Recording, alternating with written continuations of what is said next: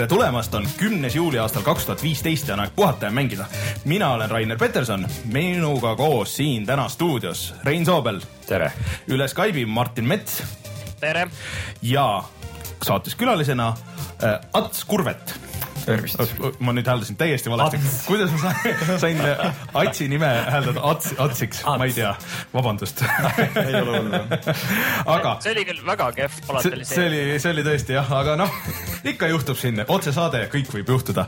aga Ats on siin äh, rääkimas ühest äh, väga huvitavast teemast, ehk siis Ats on töötanud äh, sellises firmas nagu Crytek. just Äh, mis sa seal Crytekis tegid, räägime sinuga kiirelt siia, siia algusesse veits ja siis hiljem võib-olla või mitte võib-olla, aga vähe pikemalt uh,. ma olin Crytekis aasta aega valgustus, valgustuskunstnik, praktikant ja mm. töötasin sellise mängu kallal nagu Rise on Rome mm.. mis äh, ei olnud ega midagi muud kui Xbox One'i üks launch'i mänge mm, -hmm. mis äh,, mille vastu meil on tekkinud viimastel aastatel eriline kõrge hinnang selles mõttes, kuidas kõik äh, suured mängud on edasi lükatud ja tekkis nagu see küsimus, et kuidas kuidas need mängud üldse valmis said õigeks ajaks? okei, jah. noh, sellest me pärast äh, selle, seda me pärast uurime kindlasti. aga ma küsin siia algusesse kohe ära, et äh, mis faasis sa seal olid, et kas sa olid seal lõpufaasis või alguse faasis või keskel seal kuskil, sest et Rise oli ju tegemises tegelikult viis aastat äkki jah uh,?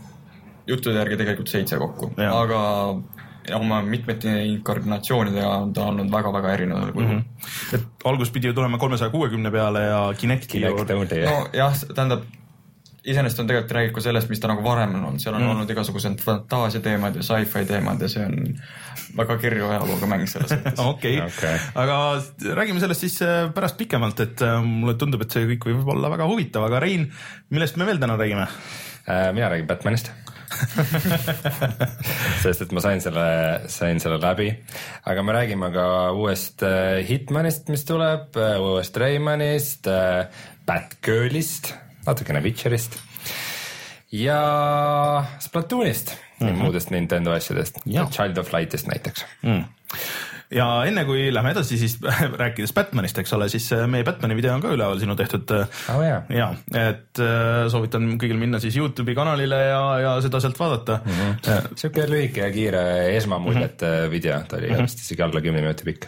ja see on tehtud sellest PC versioonist, mida on palju kirutud. PC versioonist võite ise otsustada selle põhjal, kas ta on katki või ei mm. -hmm. peab muidugi ütlema, et äh, erinevad. enam seda osta ei saa ju vist hetkel. hetkel ei saa osta jah. e-base'ist mitme tuhande eest no, või, või siis, või siis Euronixist või, või näiteks GameStarist. ei okay., ma just vaatasin, et GameStaris oli vähemalt otsas just, aga mm., aga Euronixist peaks olemas olema mm.. Aga jah, selle videoga on see, et eh, seda näeb isegi Youtube'is meil ära, et kui meil viimased videod on olnud kuuskümmend kaadrit sekundis, siis see on kolmkümmend kaadrit sekundis. ja sellel põhjusel, et see mäng lihtsalt ei lähe kõrgemale, nii et. noh, mis teha, aga minu meelest on täitsa mängitav isegi, isegi minu masinal, aga mulle noh, see on see. minu jaoks oli isegi läbimängitav. jah, et äh, see on, äh, kuidas sul nagu masinaga juhtub, et paljudel, kellel on väga korralik masin, lihtsalt ei jookse mingil veidral põhjusel, noh, optimeerimata nagu selles mõttes, et mingisugune asi läheb kuskil risti ja ongi kõik ja mäng ei jookse. Äh, tegelikult meil oleks äärepealt olnud ka uus, uus mänguvideo, aga mulle tundub, et sellega läheb natuke aega et kui keegi tahab äh, näha halba videot Carmageddonist, siis äh, põhimõtteliselt saaks seda kohe näha, aga teeme vähe parema video tahame, halvast mängust me tahame häid videosid teha isegi kui mäng ei ole hea. jah, et veits lindistusprobleemid tõkestasid, aga loodetavasti võimalikult kiirelt see üleval.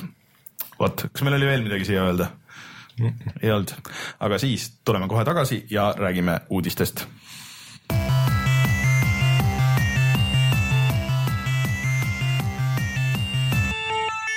uudised alustame Hitmanist. Ähm, Hitmani järgmine mäng, äh, kas see on siis early access'i mäng või episoodiline mäng või mis asi ta on?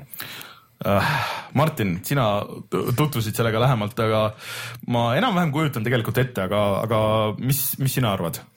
no ma proovin seletada, et äh, äh nagu me E3-l enam-vähem aru saime, siis äh, Hitman, uus Hitman tuleb välja detsembri alguses ning see on selline nagu platvorm ja öeldi, et see on ainult allalaaditav okay. et, et sinna hakkavad kuidagi lisanduma uued missioonid ja siis seal on äh, edetabelid ja sa saad vist ka ise mingeid missioone nagu teha. aga põhimõtteliselt see osa oli tegelikult kõik ka selles Hitman Absolutionis, et sa said mm, -hmm. ise said missioone teha, seal olid edetabelid. nüüd siis natuke nagu rohkem selgus, et kuidas see asi saab olema üles ehitatud. et äh, alustuseks, see saab olema täishinnaga mäng, et sa kohe alguses maksad, mis siis on, viiskümmend eurot, kuuskümmend eurot, olenevalt mm -hmm. sellest, kas mängid arvuti peal või konsoolidel. ning sa alguses saad mingi väikse paar missiooni ja, ja need edetabelid ja kõik ise nad ütlevad, selle early access see kindlasti ei ole, selle, sellepärast et eh, nad ütlevad, et early access on selline nagu poolik mäng ja lihvimata ja ei ole valmis. aga see on nagu ütlevad, et tuleb korralik asi kohe, välja arvatud siis, kui on väga vähe. ja siis järgmise aasta jooksul tulevad kõik muud missioonid ja kuidas see lugu läheb seal edasi ja mingid lisaasjad kõik, aga see on kõik nagu selle põhimängu hinna sees ja see kõik tuleb millalgi teadmata ajal täpselt teadmata koguses. ning kui alguses öeldi, et see on ainult allalaaditav mäng, siis millalgi kahe tuhande kuueteistkümnendal aastal tuleb see ka plaadina, siis kui see nagu valmis saab.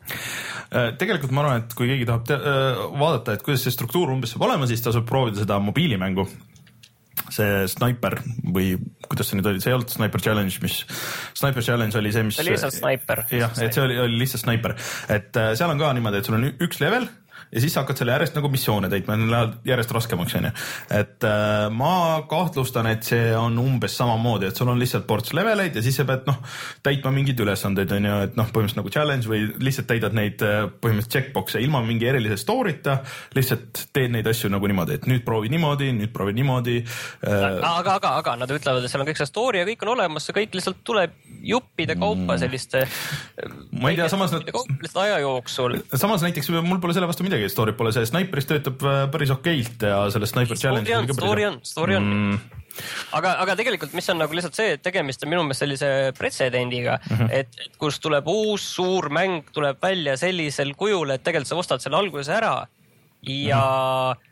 see on selline hunnik lubadusi, tegelikult sa isegi ei tea, mis sa ostad, sa võid isegi, sa võid ülevaateid lugeda, aga need ülevaated ei saa anda sellest ül, mingit no, ülevaadet, sellepärast et seda mängu seal ei ole veel. põhimõtteliselt sa saad nagu vihikutäie kuponge mis võivad ja võivad, võivad mitte nagu toimida sellel ajal, kui sa lähed neid äh, registreerima aga no ma tegelikult ei imestaks, kui sealt tuleb ka noh, et võib-olla ta alguses on nagu täishinnaga, aga siis mingi hetk tuleb, et näed, osta siin nagu see põhiosa, osta nagu mingi kahekümne euro euroga ja siis ostad nagu need levelid saad eraldi nagu osta või, või mitte osta või noh, nagu kuidagi, kuidagi niimoodi jupitatult, sest et. no mul on mul on tegelikult endal on selline kuri tunne, et see on lihtsalt mingi Square Enixi mingi. katsetavad. keegi võttis selle Exceli ette, vaatas, et kurat, meil peaks siia selle aasta sisse veel ühe korraliku käive saama veel juurde, et see Hitman ei saa meil valmis veel selle aasta jooksul, aga kui me teeksime seda natukene valmis ja paneksime selle juba müüki ja ütleks, et see ei ole early access ja Hitman on ju tuntud, tuntud teatud mäng. kui me nüüd teeksime niiviisi, siis äkki nad lähevad õnge. Samas... ja siin on tegelikult oht on selles, et seda hakatakse jäljendama. Mm..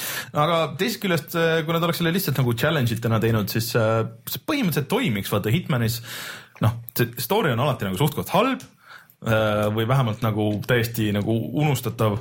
Ja põhiasi ongi nagu need levelid ja paremal juhul need erinevad viisid, kuidas sa saad neid leveleid lõpetada, sest et kõik need paremad levelid Hitmanis siis noh, mis oli selle Absolutioni võib-olla kõige suurem viga, et sul oligi nagu liiga vähe neid äh, erinevaid radu, mida sa said seal võtta, erinevaid lahendusi. et äh, selles mitte Contracts'is, aga mis seal, mis see vahepeal oli, see nii-öelda neljas Hitman äh,? Hitman, Bloodmoney jah, vaata Bloodmoney's sul oli iga level, see oli tegelikult mingi viis-kuus viisi, mis sa, mismoodi sa said need ära lõpetada, et, et äh, selles mõttes on, oleks nagu äge, et nad laseks üle ühe leveli ja teise leveli. hinnaga mäng. nojah, vaat see on see, see probleem. kui sa saad mingeid challenge'eid ilma loota asju, siis äh, küsiksid selle eest, oleks viisakas küsida mingi kakskümmend eurot mm -hmm. või midagi sellist, aga kui sa tahad seda kuutekümmet kätte saada kõike, siis sa peaksid ikka täispaketti pakkuma mm. -hmm. samas äh Hitman äh, nagu, nagu niisuguse seeriana või oma olemuselt, seal ei peagi tegelikult mingit väga story't olema. Ei peagi, no seda ma räägingi. et kui sul olekski lihtsalt, et nagu see on siukse palgamõrtsuka igapäevatöö, et Jah, äh, sain uus- uue kontrahti ja nüüd lähen seda Jah. täitma, et et sul ei pea olema noh, nagu seal mitte? viimases oli ju ka, et sul vaata see tegelikult ei olnud nagu vaata ei teinud nagu neid kõik nagu, kõik mängud ja filmid, mis on äh, palgamõrtsukatest põhimõtteliselt lõpevad samamoodi. see tüüp, kes sinu käest tööd tellib, on tegelikult paha ja sind double cross inud kogu Jah. see aeg. röövinud sinu tütre või ema või venna Ja. või kõigepealt ta backstab ib sind ja sa kaotad mälu mm -hmm. ja siis sa lähed talle kätte maksma.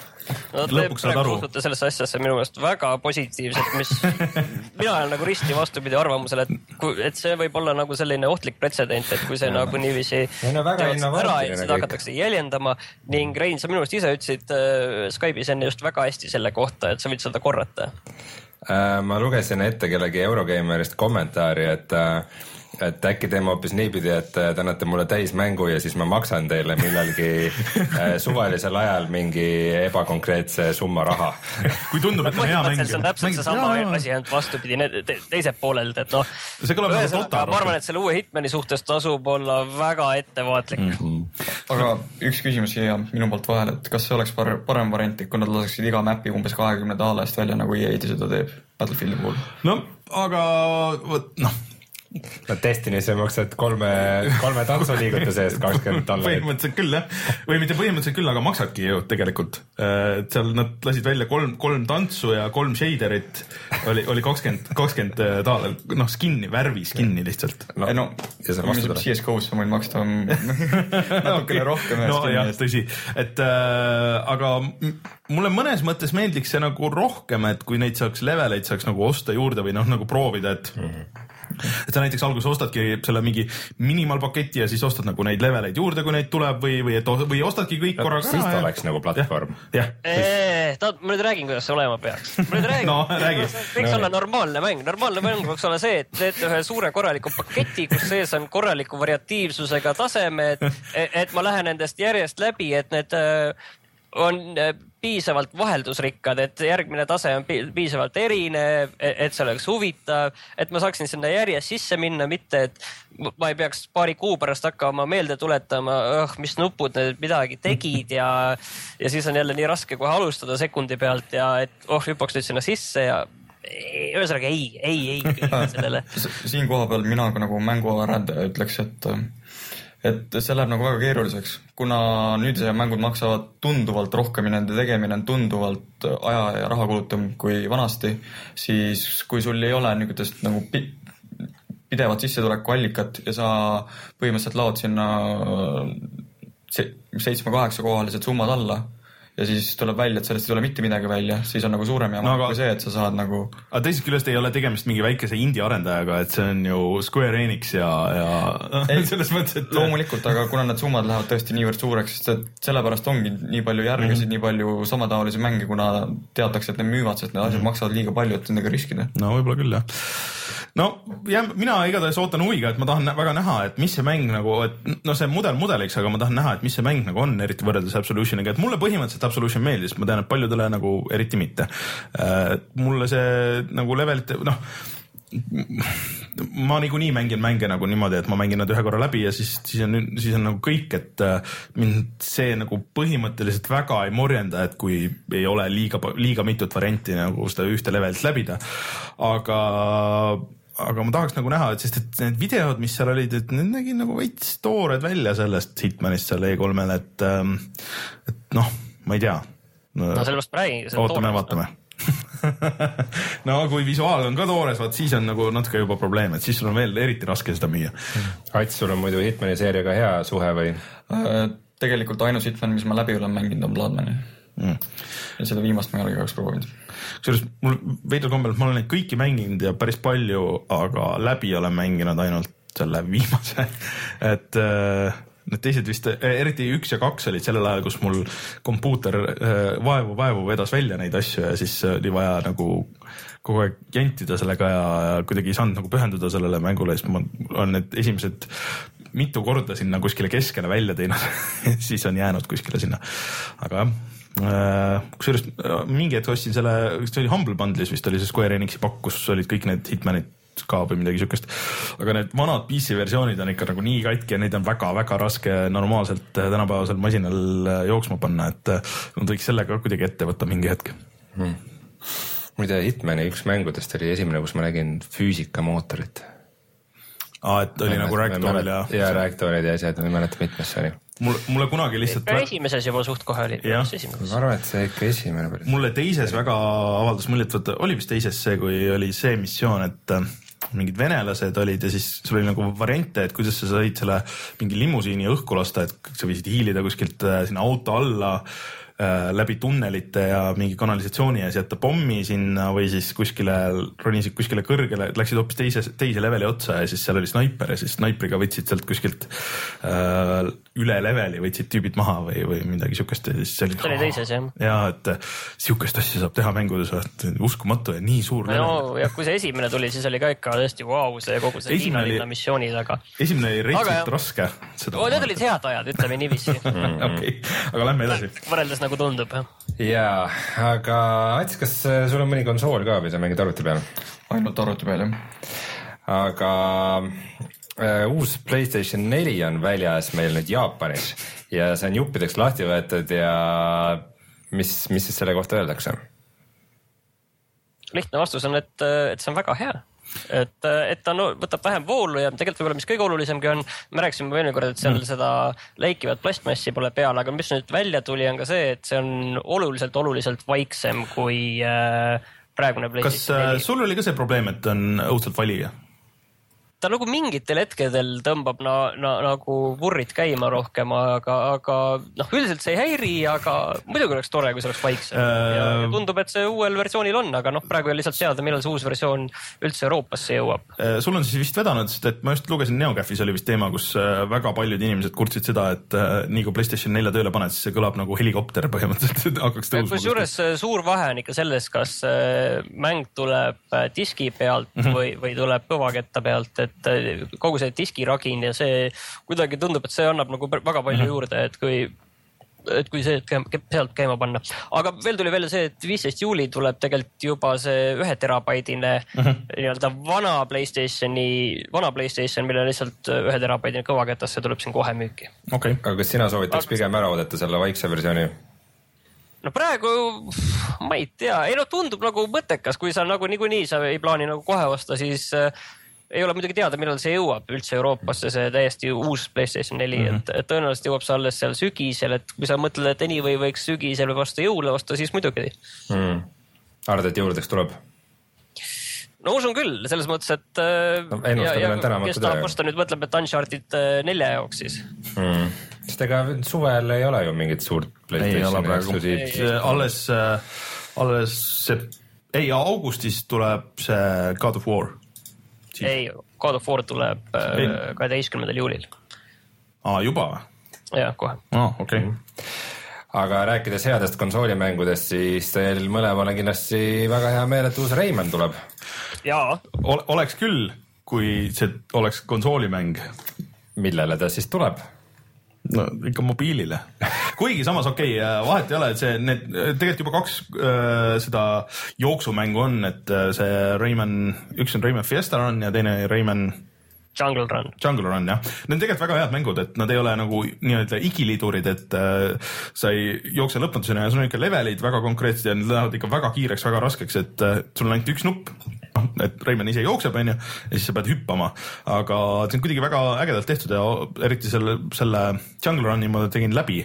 et äh, see on ikka väga cool aga samas ma natuke olen nagu pettunud, et äh, need kaks konsoolimängu olid mõlemad väga head ja minu poolest võiks nagu üks veel tulla, aga, aga noh, kuigi samas nagu natuke probleem on see, et ega see nende struktuur ja kõik see on nagu niisama, et nad peaks siis nagu ikka natuke midagi nagu muud tegema sinna et. aga see uus muidugi see, mis tuleb nüüd see Rayman Adventures, et see on erinev, et see ei ole igilidur mm -hmm. ehk mhm. siis äh, endless runner või mm, -hmm. või noh, ütleme jah, et see ei ole see, kus sul on ainult üks nupp, vaid nüüd sul on äh, rohkem kontrolli selle üle, edasi-tagasi saad liikuda, hüpata. aga ma isegi ei ole veendunud, et see on parem ja ma ka ei ole, absoluutselt mitte, aga seda saab olema noh huvitav näha tegelikult mm, -hmm. sest ega seda teeb muidugi jälle sama stuudio mm, -hmm. see Ubisoft Montpellier, mis on noh, Ubisofti vist kõige kõvem stuudio üldse põhimõtteliselt see on see Ubisofti indie stuudio ja noh, jah, kui need Raymanid, need indid ja Zombie U tegid nad ja Giant Hearts ja Beyond Good and Evil ja. aga, aga no võib-olla oleks nagu aeg üks uus korralik äh, 3D Rayman teha, sest et äh, näiteks Rayman kaks oli väga hea. see oli üks esimesi 3D platvormereid, mida ma mängisin ikka väga palju. Ja see oli väga kihvt tegelikult. Ikka väga sünge ja atmosfääriline, see tuli isegi välja vist sellel ajal kõikide platvormide peale, noh PC peal ka. Ja aga ma mängisin Dreamcasti versiooni ikka, aga päris, päris läbi ei teinud, aga, aga peaaegu. aga seal oli see naljakas asi, et igal versioonil oli erinev arv leveleid, et ma ei tea, et Nintendo kuuekümne nelja peal oli veits vähem leveleid ja Playstation ühe peal olid ühed levelid ja ja Dreamcasti peal olid teised levelid ja sihuke huvitav, huvitav lahendus. osa, osadel oli häälnäitlemine, osadel ei olnud. veider, aga see oli hea mäng, nad võiks sellest kasvõi remake'i teha minu poolest, et see oli päris kihvt. tõesti hea variant oleks kasvõi tõesti tehke nendest vanadest remake'e, et mina neid vanu ei ole peaaegu üldse mänginud, et äh, ja, ja noh, nad tänapäeval ne- neid saab küll minu meelest. ma ei eksi, need on isegi seal Playstation Networkis midagi mm. olemas või? Äh, aga see kaks oli kõige parem nendest, aga see kaks oli selles mõttes veider, et see oli äh, kui DS launch'is, siis see oli DS-i launch'i mäng üks ja kui 3DS launch'is, siis see oli ka nagu 3DS-i üks launch'i mäng. see on eriti veider, aga see jooksis väga viletsalt mõlema peal. okei, aga räägime hoopis nahkhiirnaistest. Äh, kas, kas Batmanil juba see Catwomani DLC ei olnud olemas või? see oli Arkham Cityl. ei, aga sellel just, ei olnud või?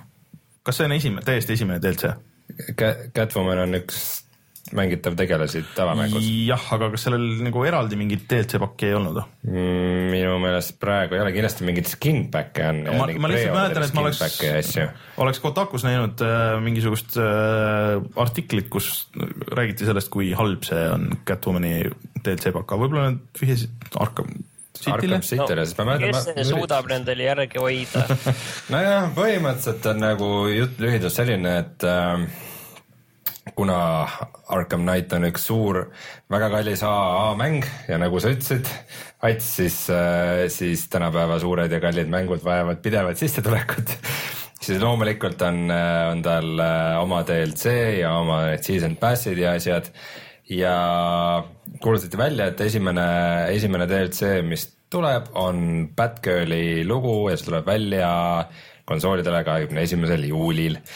ja seal sa mängid siis ei kellegi muu kui Batgirlina ühe väikse seikluse, mis toimub enne Batman, Arkham Knighti sest tegevust. Arkham Knightis ta on juba ju ratastoolis, et seal jah, ratastoolis Catwomanina arvan, mängitavus oleks teatud piirangutega.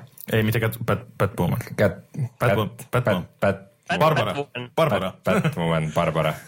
Batgirlist sai juba Woman või? Äh, Batgirlist äh, sai hiljem Batgirl, Oracle. vabandust jah ja., et Batwoman ta kunagi ei ole et ta jäi Batgirliks. aga mina seda väga ei oota, sest et äh, mul on suhteliselt suva nendest kõrval nendest, minu arust neid kõrvalasju on sellel anyways juba liiga palju, et äh, Jaa. ma tahaks pigem pigem võiks olla nagu vähem asju, mis oleks kvaliteetsemad, ma nagu tahaks, ma ei ole üldse viitsinud neid kõrvalasju teha seal. ma ka minimaalselt ja no eks pärast räägime sellest mm., aga kuna ma mängisin Hardi peale, siis mul nagu viimaste missioonidega hakkas ikka kätte maksma see, et ma neid mm. kõrvalmissioone ei mänginud no., et äh, natukene nagu jäi, jäi skill point idest puudu. sain vahepeal tappa korduvalt ja korduvalt ja korduvalt. Ats, kas sa oled mänginud seda Batman'i? Ei ole, ma olen mänginud ainult esimest. vot see on Arkham äh,, äh, Arkham Asylumit. jah, aga siis ma ütleks, et mängi äh, Arkham Cityt ka ja sellest piisab. ei, ei, aga, aga miks, miks niimoodi, miks mitte? või siis, või siis otse tulla Arkham Knighti juurde. sest et äh, see sulle valguskunstnikuna, ma arvan, et äh, oleks väga huvitav. valgus on väga ilus. see val-, valgus on üks parimaid asju tegelikult seal, kogu see nagu atmosfäär, mis on sellega loodud minu meelest. visuaalselt see pidi jah väga kena olema, ainult et kahju, et PC peal enamus efekte või tähendab, osad efektid ei tööta. osad efekti, see oli vist see SSAO, mis ei tööta. ei, seal mingi shader efektid nagu mm. mingi see vesi, mis on selle naha ja selle värgi peal Aa.. et seda osa ei ole. seda sai nagu see Nvidiale eraldi sisse lükata, aga minu meelest see nagu enhanced rain oli siuke. jah, uh,. jah, et äkki oligi, et see oli seal Nvidia Ei. selle GeForce Experience'i setting utes, aga mitte mängus ei, see on, see on kaks eri asja, mis on nagu particle effects ja siis material effects ehk siis on materjali efektid, mis on nii-öelda selle materjali enda või polügoonide peal. ja particle effects on siis äh, need asjad, mis sul õhus lendavad või suitsud või igasugused, kõik see teema. aga kui Batman räägib oma väikse ekraaniga ja vihma sajab ja tal nagu tema peal vesi niriseb, siis see on material see on tõenäoliselt materjali efekt jah okei okay,, aga see oli. aga siis, kui sul on mingisugused asjad, mis siin nagu hüppavad siin peal, et see on nagu olemas. noh, mina vaatasin mingisugust, mis iganes, kus see Found, The Foundry või mis iganes, kus need Digital Foundry, jah. jah, et seal oli nagu näha mm.. Võimalik, et see mingites kohtades lülitab välja, aga, aga ma olen päris kindel, et need vihmapiisad olid olemas. ma võiks, ma võin sulle isegi oma videost seda näidata. jah, mitte, et see on nagu mängu juures kõige-kõige olulisem asi, aga no see on lihtsalt äh, asi, mis äh, seal on puudu ja noh, üks nendest asjadest, mis närvidele käib, et kuulge, come on, et tehke korralikult. aga eks me Batmanist veel räägime, aga Yes. aga räägime siia lõppu siis äh, natuke Witcheri värki ka. Batgirli kohta võib muidugi seda öelda, et äh, nagu arvestades, et põhimängu ennast ei ole veel ametlikult PC peale uuesti müüki tulnud, siis äh, ma arvan, et kõik nagu natukene vaatavad sinnapoole ja ootavad, et noh, et äh, see võiks nüüd olla, tulla nagu kaasa. aga muideks kuskil oli analüüs, et äh, tegelikult noh, võiks ju arvata, et hästi paljud inimesed siis äh, nõudsid tagasi oma raha ja värki, aga, aga Steam'i äh, kuskil oli mingi sait, kus sai vaadata siis nagu kuupäevaliselt Steam'i või et kui palju inimestel nagu mingit mängu on käes. Et keegi on teinud siukse analüütilise siuke tööriista. Ja et see vahe nagu siis äh, Batman'i väljatuleku ajal ja nüüd on nagu suhteliselt väike, et väga palju inimesi ei nõudnud oma raha tagasi mm. -hmm. mis on isegi üsna üllatav, arvestades kõike seda furoori nagu siin ümber. no vaata, inimesed on fännid ja nad oletavad, et see millegi tulevikus ikkagi tuleb välja, aga selles mõttes nad said ikkagi oma raha eest äh, tüssata mm. -hmm. et äh, ja mis kindlasti on nagu maksnud kätte, sest et esiteks Steam'i review'd mm. -hmm. kõik on negatiivsed, tuhanded negatiivseid review sid ja kui sa vaatad kasvõi selle Batgirli äh, treilerit, siis no pea pooled on nagu dislike'id sinna all, et äh, nagu see ka ütleb midagi, et nagu et kui sa kuulutad, kui sa tood välja poolvalmis mängu mm -hmm. ja siis kuulutad välja, et äh, nüüd tuleb DLC mm, -hmm. siis mida pooled inimesed selle peale ütlevad, on see, et miks te töötate DLC kallal, kui põhimäng ei ole valmis. Aga noh, sinna võib muidugi öelda igast asju, et no sa võid muidugi öelda, et eri, eri stuudiod teevad neid või mida iganes, aga, ei no aga lihtsalt palju sinna neid inimesi ikka sinna ühe asja kallale kokkuvõttes mahub, ma arvan, et Aga- ise ka öelda, et äh, no keegi võib seista monitori kõrval ja näpuga näidata, et tee see on siit, alati kasuks jah. tee siit ka korda see, et äkki sa ei näinud, et siin Titan up the, Titan up the graphics on level four, aga make it better. aga äh, selles mõttes, et äh, pigem on vist jah see, et ega inimesed ei viitsi, et noh, et tahaks ikka nagu mängida ja siis pigem nagu ootad selle ära, aga ma arvan, et jah, et inimesed oleks isegi rohkem alla neelanud selle, kui oleks viimasel hetkel öeldud, et kuulge, nüüd on niimoodi, et see PC versioon tuleb kuu aja pärast või kahe kuu pärast ja oleks kogu see jama jäänud olemata, alguses eks muidugi oleks nurinat olnud küll, aga tegelikult lõppkokkuvõttes oleks olnud palju parem mm., sest et nagu Miyamoto on öelnud, et uh, delayed game is uh, good eventually uh,, bad game is bad forever et isegi kui sa selle ära parandad nagu selles mõttes, et kuulsus käib ikka kaasas. tõsi. Ja Witcherist räägime, sest et äh, seda ka patch itakse, kuigi see ei ole nii katki mm. -hmm. eks tal oma vigu oli, aga, aga üks põhiasi, mida me kritiseerisime, oli see, kuidas see menüü oli selle üles ehitatud, mis on ikka täiesti kohutav mm. -hmm. ja järgmise patch'iga see on korras. No Ja elu ma ei tea, kas, ma ei tea, kas korras korras või nad igatahes lubavad, et saab sorteerida paremini stuff'i. sa ise, Ait, sa oled mänginud äh, Witcherit kaheksa tundi mänginud. ehk siis põhimõtteliselt, et sa algusmenüü. algusmenüüs kaugemale ei ole saanud, aga mind, häiris õudselt see, et seal on noh, sul on menüüs lõpuks, sul on hästi palju ja. asju ja sa ei saa nagu normaalset ülevaadet sellest, et ma saan aru, et vist, et nüüd need loetavad asjad, need raamatud ja kõik need muud igasugused kirjatükid, et need see lähevad on- oma menüü, ja sa näed, kui nad on läbi loetud jah, see on päris sest abiks. et ma ostan igalt kaupmehelt need kaarte, mm, -hmm. mis nad müüvad, aga su quest läheb tööle siis, kui sa loed mm. -hmm. ja siis ongi see, et vahepeal igaks juhuks loed jälle kõik raamatud läbi, mis sul inventory's on ja siis tuleb jälle mingid paar uut quest'i ja siis jaa. no ütleme jah, et see ei ole mingi sihuke asi, mis äh, mängu oleks katki teinud, aga lihtsalt see kasutaja mugavus läheb aina paremaks, et stash, kus sa saad asju hoida nagu permanentselt. kas ta ei, Ei. ei olnud enne jah, õigus jah et ma kuskilt isegi lugesin, et kui sa mingisse kasti paned oma asja lihtsalt, siis nad mingi hetk kaovad ära. mm,. halb. Ei kinnita, ei, lükka ümber, aga igatahes äh, stash, jagatud stash nagu mm. -hmm. et umbes mingis a la innis on niisugune kast, kus saad asju hoida ja siis eri linnades sa saad nagu access'i seal sama okay., no see on päris mugav ka. pilvekast, ja pilve, pistad need pilve ära. Pilvekirst. ja, ja pilvekirst kurat, see kõlab nagu mingi hea äpi nimi. pilvekirst või? see on kuidagi seotud äh, mingi matuseteenusega. kui sul on kogu suguvõsa üle maailma vaata laiali, aga kõik tahavad matust olla kas, kas sa tead, mis on Eesti That's dark nagu. äh, äh, Eesti äh, surnuaedade andmebaasi nimi, URL? no Howdy.ee päriselt. howdy, Howdy jah.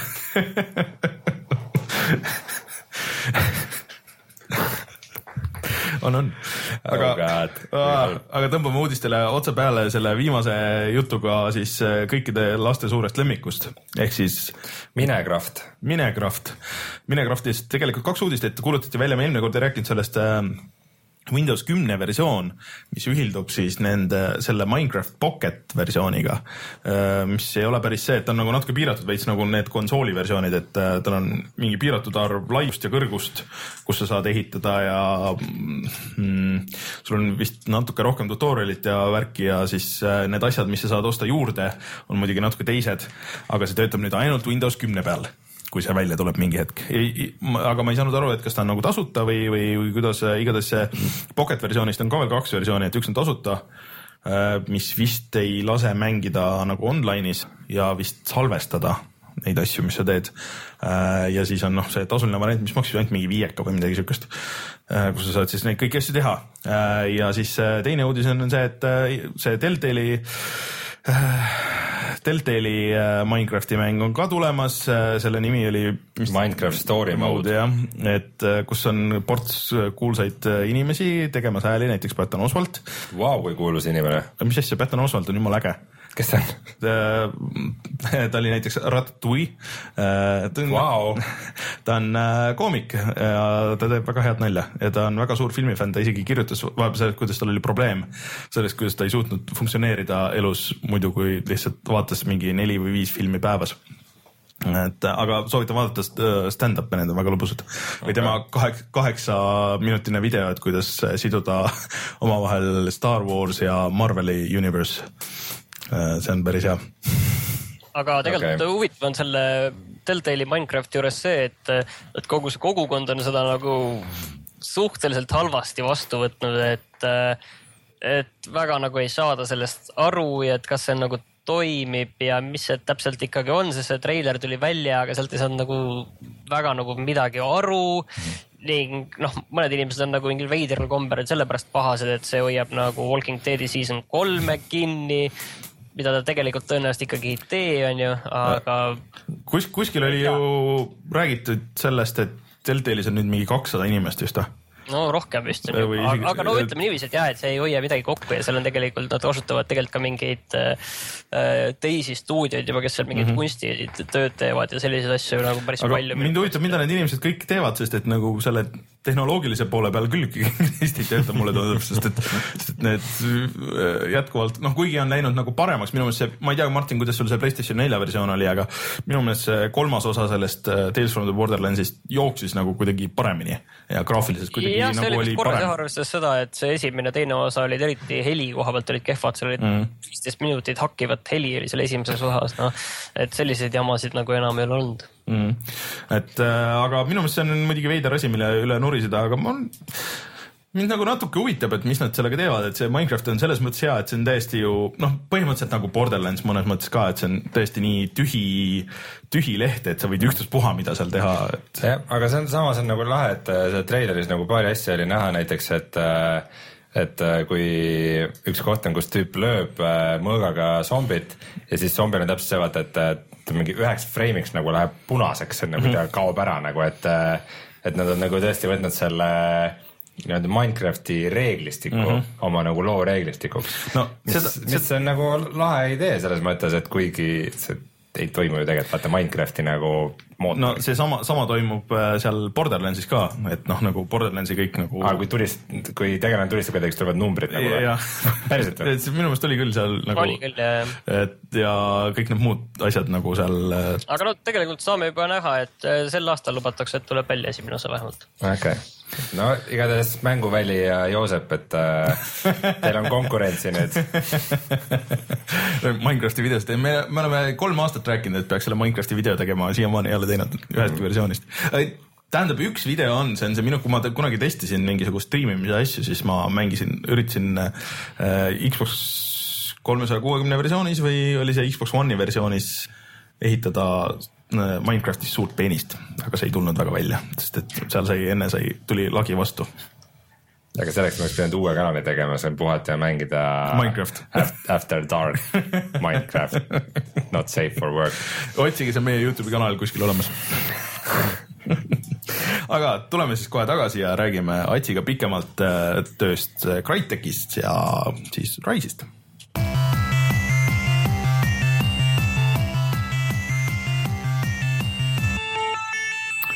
Alustame siis äh, Ats äh, algusest äkki, et äh, kuidas sul üldse tekkis huvi mängude vastu või kuidas sinu ajalugu mängudega nagu on, nagu kui vaadata ajas tagasi? uh,. siin on väga raske nagu algust leida um,. ütleme, väga noored, kuskilt alla kümneaastasena sai Playstationi asju kõvasti mm -hmm. näpitud. Endal seda ei olnud, aga oli ligipääs, sai see kõvasti tehtud uh,. arvuti peal sai Quake kahte asja mängida, kuigi ma ise, mul ei olnud õrna aimugi, et mis värk see on või et seda online'is mängida või midagi iganes mängisid soolos Quake kahte? põhimõtteliselt ja siis samal ajal sinna ja, jah, ja siis sinna samal ajal kõrvale mingisuguseid äh, vanu DOS-i mänge põhimõtteliselt ja noh, nii ta tasapisi nagu läks ähm,.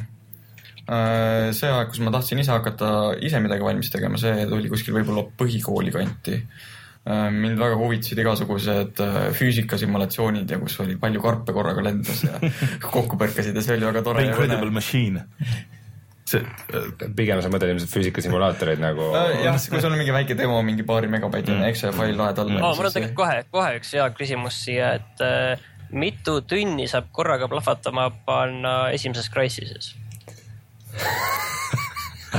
keegi tegi selle video, ma olen näinud neid videosid, seal kuidagi proovitakse üksteist üle trumbata minu meelest, et palju keegi suudab neid korraga plahvatama panna.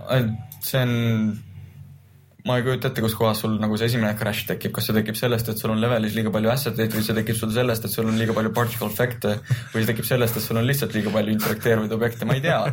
aga see on, see on tõenäoliselt väga palju. minu aga, meelest, aga ühesõnaga otsige Youtube'is seda, et. Aga kas- aga- aga Ats, mis sa pakud, mis see number on? Something. Sada. ei, Äh, ei, ei selles mõttes, need videod, mis seal on, need on tuhandetes, ma pakun, et see võib olla, mis on see pagana Ja kuusteist tuhat, mis iganes, see on kaks astmes, mida iganes, ma pakun kuskil aga minu meelest need tüübid tegid seda veel niimoodi, et nad äh, renderdasid selle nagu, nagu vana, noh nagu skriptiga, lihtsalt renderdasid välja, et sul ei Ei. ole endal seda pilti, et sa lihtsalt paned selle plahvatama ja siis ei, sul on jah fixed time step ehk siis sul nagu iga kaadri ajavahemik on nagu pandud mingiks kindlaks numbriks, mingiks millisekunditeks, mitte selleks, et ta jookseb sul Jah. nagu üks kaader ja kümme sekundit. okei okay,, me muidugi väga lihtsasti kaldume teemadest kõrvale aga, aga et äh, sa rääkisid sellest, kuidas, kuidas sul endal tekkis huvi mängude tegemise vastu ja, ja ma saan aru, et sa praegu tegeled ka mänguarendusega. Äh, vaikselt mõnede asjadega jah aga, aga mis sul nagu esimesed katsetused olid selles vallas? uh,. Hmm, uh, no selles mõttes, et esimene niisugune, niisugune suur ja keerulisem mänguarendustööriist minu jaoks oligi uh, Crysis ja Sandbox kaks editor mm. -hmm. selles mõttes, et kui ma nägin seda kaks tuhat kuus aastat seda treilerit, silmad läksid särama, et mingi suured džunglid, asjad ehitad, ükskõik mis sa ise tahad mm. -hmm. et see oli, tundus minu jaoks nagu ilgelt, ilgelt lahe onju. ja siis, siis ma selle jaoks ostsingi endale esimese niisuguse suure võimsa arvuti ja siis ma aastal kaks tuhat kaheksa põhimõtteliselt hakkasin sellega pihta ja, ja kohe läks nii hästi, et äh, Crytek t- kutsus tööle. ei, see oli kaks tuhat kaheksa, Crytekis ma alustasin kaks tuhat kaksteist. aa, okei. aga ma olin enne teinud ka veel igasuguseid 3D mudeldamisi ja värke ja ütleme mingi Gmodile mingeid väga väikseid moode ja mingeid niisuguseid asju mm. -hmm. okei, aga kuidas siis asi nii kaugele jõudis, et äh, sa sinna Crytek'i põhimõtteliselt siis said, et kuidas see protsess nagu välja nägi? ei, selles mõttes, et minul ikka nagu ilgelt vedas äh,. Põhimõtteliselt oli see tä- tänu sellele, et ma postitasin õige asja õigesse kohta ja õiged inimesed nägid seda aga mis, mis see õige asi oli ja mis see õige koht oli? Ähm, selles mõttes, et ma ikka mõnikord teen lihtsalt niisuguseid, ütleme mingi ühe paari, ühe või kahe õhtust stseene lihtsalt, kus ma panen mingi niisuguse huvitava visuaalse asja panen kokku mm -hmm. ja panen sellest mõne pildi ülesse. ja siis noh, siis ma tegin seda kas selles Crytek'i ametlikus foorumis, see, see oli jälle oli Ja üks teine niisugune väiksem sait on nagu mapcore.org, kus on väga-väga suur professionaalide kontsentratsioon. enamasti nad tegelevad seal CS-i ja niisuguse source'i teemalise värgiga mm. -hmm aga seal oli, seal olid mitmed Crytek'i inimesed olid, kes seal nägid. ma ei teagi, et kas oli, kes oli Mapcore'ist või tegelikult, kui inimesed teavad Javad Cherli, kes on siis äh, äh, Crytek'i direktor, tegelikult tema iga päev põhimõtteliselt sirvib ka seda Cry moodi mm. -hmm. ja võib-olla oli see, et hoopis tema seda märkis ja saatis edasi, ma ei tea, kummalt poolt see nüüd siis nagu tuli mm. -hmm. ja nii tuli sulle ühel päeval postkasti teade, et äh, Tule... mis teed? ei, mitte päris nii, selles mõttes, et äh, tuli, tuli see teade, et öel- öeldi, et teeme telefoniintervjuu, rääkisime asjad ära, siis ma tegin veel kunstitesti, mis on üldiselt mängutööstuses suhteliselt tavaline. no kuidas see, kuidas see välja nägi? Mulle anti põhimõtteliselt seda, et noh, see oli väga vabas vormis, on ka väga palju spetsiifilisem, et kui sa teed mingit modelleerimist asja. minul olid äh, D4 valgustamistsenaariumid sellele, sellele CryEngine SDK-le, see on mingi forest map, mis on see default map mm -hmm. sellele, kaks nädalat ja selles mõttes, et dokumenteeri oma protsessi, näita, mis sa seal teinud oled mm. -hmm. et nagu proovitöö siis põhimõtteliselt jah? põhimõtteliselt jah mm -hmm.. okei okay., päris huvitav. aga, aga valgus oli miski ikkagi, millele sa, milleni sa jõudsid kuidagi juhuslikult või valgus on sul niisugune nagu eriline armastus või sa tegid mingit äh, modelleerimisi ja muid asju rohkem või? Äh, selles mõttes, et ma olen mängude arendamisel või noh, tähendab, ma olen peaaegu kõik asjad nagu läbi proovinud vähemalt natukenegi, et nagu mm. noh, sõrme katsunud. aga valgus on lihtsalt sellepärast, et tegelikult on nagu ütleme noh, mulle meeldis teha ilusaid pilte, kus on sul mingi kompositsioon mingist metsast või koopast või ükskõik, mis asjad seal on, onju. aga valgus on selles suhtes nagu väga oluline, et see on noh, nagu öeldakse, et maalimine on põhimõtteliselt nagu ongi nagu põhimõtteliselt nagu maalimine ongi valguse tegemine, et sa nii-öelda maalid valgust mm. -hmm. ja see annab minu arust nagu sellele stseenile noh, see on väga, väga suur see viimase lihvi osa või selles mõttes, et see, mis selle visuaalselt nagu selle popi sinna juurde annab mm. -hmm. et valgus on selles suhtes väga oluline olnud ja siis kui nii-öelda ala- alateadlikult ju ma olen siis selle poole rohkem püüelnud ja sellega rohkem tegelenud Mm. Et ei ole nagu, oota, kas see oli, see oli Call of Duty Ghostis, kus metsast tulid nagu kolmest eri suunast olid Jah. et ühest suunast, ühes suunas oli päike ja siis teis, teiselt poolt tulid need kaadreid. ei no selles mõttes, et selliste trikkide tegemine asi on nagu väga tavaline, see oli lihtsalt see, et ükskord nagu märgad seda mm. -hmm. tegelikult neid asju ju tehakse väga igal pool ja mm -hmm. noh. ei no, ei, ei no lihtsalt, lihtsalt, et selles mõttes, et, et kunst, et noh, selle jaoks peab olema nagu huvi ja see peab olema lihtsalt nagu äh, kui sa teed seda hästi, siis see on, aga seda võib ka teha niimoodi nagu siis Call of Duty's oli, kus oli- need ei olnud nagu väga tähelepanu pööratud. No- väga vaja oli millegagi muljet avaldada. selles mõttes, et võtame näiteks BioShock Infinite mm, -hmm. minu arust väga-väga kena mäng, väga hästi tehtud mm -hmm. valgus. Aga seal on samamoodi, kui sa vaatad seda kohta, kus sul tuleb päike või varid, sul on ees, sul on sein, aga mitte keegi lihtsalt ei märganud seda. mm. -hmm. no aga mm, räägime siis edasi, et, et äh, sul oli, oli vestlus, tegid proovitöö, kus siis äh, nende kontor oli või millises, millises Crytek'i osas sa siis olid? mina olin Frankfurdis peakorteris. mm. -hmm. ja kuidas seal, seal minu meelest uudiseid tuli palju, et seal ei olnud vist see maailma kõige mõnusam töökliima või? Mingi vahe oli, oli selline jutt igatahes. Ähm, ütleme, et need kõige hullemad uudised, asjad tulid peale seda, kui mina olin juba Eestis tagasi.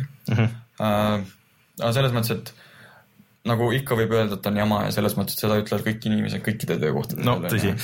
aga noh, selles mõttes, et mõnikord on ikka keerulisi asju. mm. -hmm. sest et äh, seal vist olid need suured koondamised ja, ja mingi stuudio pandi kinni vist ja seal oli äh, väga palju siukest see UK stuudio, mis on nüüd Deep Silveri nimega ja see Homefronti IP ja need asjad müüdi maha kellelegi teisele, ma ei ole kindel, kes see publisher või omanik neil nüüd on. no Deep Silver ongi ja see no Deep Silver ja, kellele see veel kuulub edasi, on see mingi see, ka mingi sakslased vist, et ei eksi. aga kuidas sul siis äh, kuidas siis praktika algas? et kuidas su tööpäev välja nägi, et äh, jah, ma saan aru, et äh, sa, sa ütlesid, et äh, sa oled äh, veerandi kogu Rise'i valguses teinud põhimõtteliselt Single ise, player'is jah. et äh, see tundub nagu päris suur äh, osakaal ühe praktikandi jaoks, et kas siis, kas siis mingi hetk sinu töömaht kuidagi suurenes või see pidigi nii olema? Ehm, ei, otseselt väga mitte, kuna asi oli selles, et teised valgustajad, nad ei olnud, üks inimene tuli QA-st valgustamisse, kes oli enne seal juba kohapeal. üks inimene, kes tuli peale mind, tema ei olnud üldse CryEngine'iga tegelenud ja kuna minul oli, ütleme aastast kaks tuhat kaheksa, ma olin igasugused shortcut'id ja asjad olid mulle kõik nagu kõik noh, console command'id, asjad on väga tuttavad, siis ma olin lihtsalt tehnilise poole pealt, võib-olla olin nagu mootoriga natukene tuttavam kui need teised inimesed seal mm. -hmm et see, see mind nagu seal aitas aga siis äh, sulle anti, stseen jõudis äh, sinuni ja siis sa hakkad nagu vaatama seda levelit nagu otsast, et okei okay,, et kuidas me saaks nagu need tekstuurid ja kogu selle stseeni teha siis äh, ägedamaks ja um,? no sul... otseselt päris nii see ei käinud ja kuna noh, see oli ka, et kuna oli uus meeskond, suur mm -hmm. meeskond, et siis nagu see pipeline kui selline ei olnud veel väga paigas, sest kuna ütleme, see enamus mängu oli nagu white box staadiumis mm, -hmm mis siis tähendab, on seda, et sul on põhimõtteliselt suured kuubikud ja valget värvi või halli värvi ja siis nagu valgustada sul seal nagu väga palju ei ole, on ju. Hmm. ja noh, Triple A mängudega see on väga tihti nii, et sul need final art asjad tulevad üsna, üsna hilja sinna kokku. Äh, noh, kõigepealt oli üldse see, et noh, ma sain selle mootoriga tuttavaks, kuna seal oli väga suur muutus, oli physically based shading, mis on ikka avalikkusele saadav. Äh, ja noh, nüüd on absoluutselt kõigis mängudes olemas peaaegu Äh, et sai sellega nagu natuke tutvutud töö, tööriistadega. Noh, siis alguses oli üldse rohkem arutamist inimestega, kuidas see workflow meil peaks välja nägema mm., et mismoodi ja siis ongi, et kes teeb üldse mida, kuidas me neid ajastusi planeerime. Kuna väga suur rõhk oli Rise'il veel cinematic utel, seal oli põhimõtteliselt kaheksakümmend minutit cinematic uid sees. siis sul on üks feature film vaja veel valgustada lisaks sellele, et nagu sul on mäng ka ja noh, multiplayer portion'id ja nii edasi ja nii edasi, et seal oli selles mõttes nagu palju arutamist mm. -hmm aga mida aeg edasi, siis asi natukene nagu äh, muutus nagu voolujoonelisemaks ja asjad said nagu paika, et me saime, meil oli art director ja pärast me saime veel lighting director'i, kes tegeles eraldi nagu valgusega. et alustasite ilma lighting director'itega, ühel hetkel liitus? Jah okay.. ma just küsikski tegelikult siia kõrvale, et tegelikult samal ajal ju tegelikult tehti ka Crysis kolm ja kui ma ei eksi, isegi samas stuudios seal peakorteris et äh, kuidas nagu sellega see suhe oli, et äh, just tahaksin öelda seda, et minu meelest Crysis kolmes oli väga äge valgus, nii palju kui ma mäletan. jah, oli äh,. selles mõttes, et kui mina seda vaatan, tähendab, ta on väga hästi kompositsioonid ja seal see, kuna Crysis kolmel oli üks ainult valgustaja põhimõtteliselt äh,. Ja selles mõttes, et nende tech tiim oli ka täiesti teine äh,. ta nägi jah, visuaalselt väga-väga kena välja ja nad tegid seal uskumatuid asju aga muidugi tähendab, mis minule nagu silma hakkab, ongi see, et kuna seal see shading model oli natuke teine või ei olnud nagu nii-öelda physical põhinev, physical põhinevad materjalid, siis see natukene hoiab seda mängu selle poolest tagasi mm. noh, tavainimene võib-olla seda nii ei märka või ei oska märgata, võib-olla on isegi ütleme, see füüsikalised materjalid, asjad nagu kunstnike jaoks palju olulisem kui noh, lõpptarbija jaoks mm. -hmm. aga siis kaua sa seal lõppkokkuvõttes siis töötasid uh,? ühe aasta mm -hmm., kaks tuhat kaksteist suvi kuni kaks tuhat kolmteist äh, suve lõpp. jah, kas siis aga lõpus ütleme niiviisi, et äh, oli siis äh, kuueteisttunnised tööpäevad um,? Ta... sest see oli, mäng oli vaja ju ruttu, noh, ütleme kindlalt selleks ajaks ikkagi valmis saada um,. ületund oli, oli ikka jah, natukene, aga selles mõttes, et kuna endal oli väga põnev ja uus ja said mingeid lahedaid asju mm -hmm. teha ja kuna noh, mina olen ikkagi nagu diletant, ma ei ole kunagi kunsti kui sellist otseselt nagu õppinud, et siis on nagu endal on vaja äh, noh, palju asju tahaks testida ja see on noh, tuleb ka seda ette, aga ütleme, et jah, ütleme, et teises pooles võib-olla mingi viiskümmend tundi nädalas oli täiesti tavaline. Mm.. aga, aga räägi korra selle koha pealt, et, et tavaliselt kõigile tundub nagu väga äge töötada mängutööstuses ja see tundub nagu väga äge idee, aga, aga teiselt poolt just need inimesed, kes on seal sees öelnud, olnud, nad ütlevad, et, et jah, et see on nagu väga tore, aga, aga see võib olla teistpidi ka väga selline noh, niikaua kui see täpselt see, mida sa teed, sulle meeldib, et niikaua on väga äge, aga see võib minna ka selliseks väga frustreerivaks ja depressiivseks tööks ning see ei ole enam üldsegi niivõrd äge, nagu sulle kõrvalt vaadates tundub um,. no see, see on vist nagu kunstiasjadega vist on nagu, ongi rohkem nii, et äh, kuna sa toodad inimestele meelelahutust ja see ei ole tarbetoode, et sa tead, et sul on äh, iga järgmine päev ostab sul keegi niisuguse koguse seda asja, et sa pead nagu äh, suutma inimestele selle, nend-, nend-, noh, niisama meelelahutusaja maha müüa. et see on, see on see keeruline osa seal ja see tähendab ka seda, et töökindlus on suhteliselt väike. mm. -hmm. ja ongi, et kui töökindlus on väike ja tunnid on suured, sest kõik tahavad teha uue laheda tehnikaga või uue laheda sisuga asju, siis see võtab nagu palju aega ja vaeva ja inimeste läbipõlemine ei ole väga harv juhus. seal vist eriti, eriti veel, kui see on, mis asi, seitsme, seitsme aasta projekt, et äh, ma kujutan ette, kui palju sealt tegelikult tööd nagu ära visati. et, äh, et seda on ikka väga, väga palju asju valmis ja siis vaadatakse, et või noh, saad ise aru, et lihtsalt, et ei, see ei tööta, et see ei ole äge nagu ja siis visatakse minema, et see lõpuks isegi frustreerib väga palju, et kui sa oled neid viiekümne tunniseid äh, töönädalaid sinna kütnud alla ja siis vaatad, et no,. jah, loomulikult muidugi seal oli see asi, et alguses projekt oli Budapesti stuudios mm, -hmm pärast tuli alles Frankfurti üle ja siis, siis põhimõtteliselt tehti selle nagu peaaegu full wipe mm. -hmm. ja hakati okay. nagu otsast peale pihta. ja mis aastal see toimus uh,? mingi aeg peale seda, kui see kaks tuhat kümme äkki oli, kus see X pagana Kinecti treiler välja tuli. okei okay.. kuskil mingi hetk peale seda, ma täpselt timeline'i ei oska nagu öelda. aga, aga ütleme niiviisi, et miks sa siis tagasi tulid või äh, et ka, kas seal sai töö otsa või selles mõttes, et, et äh, seal kõvasti jah struktureeriti ümber on ju asju ja nüüd vist see Frankfurdi stuudio vist tegeleb peamiselt selle Hunti või selle, mis on siis mingi MOBA tüüpi asjaga või et, äh, et kas seal ei ole lihtsalt sellist um, kompetentsi vaja? see, see, see ei olnud absoluutselt sellega seotud. Mm. Mina tulin sealt ära, kuna noh, mul nagu nii-öelda sõjavägi ja meditsiinikomisjon oli kuklas ja sellepärast võib-olla rohkemgi, et ma tahtsin oma kooli ära lõpetada okei okay,, et täitsa isiklikel põhjustel tulid tagasi ja. tegelikult. aga kui tekiks võimalus, läheksid uuesti äh,?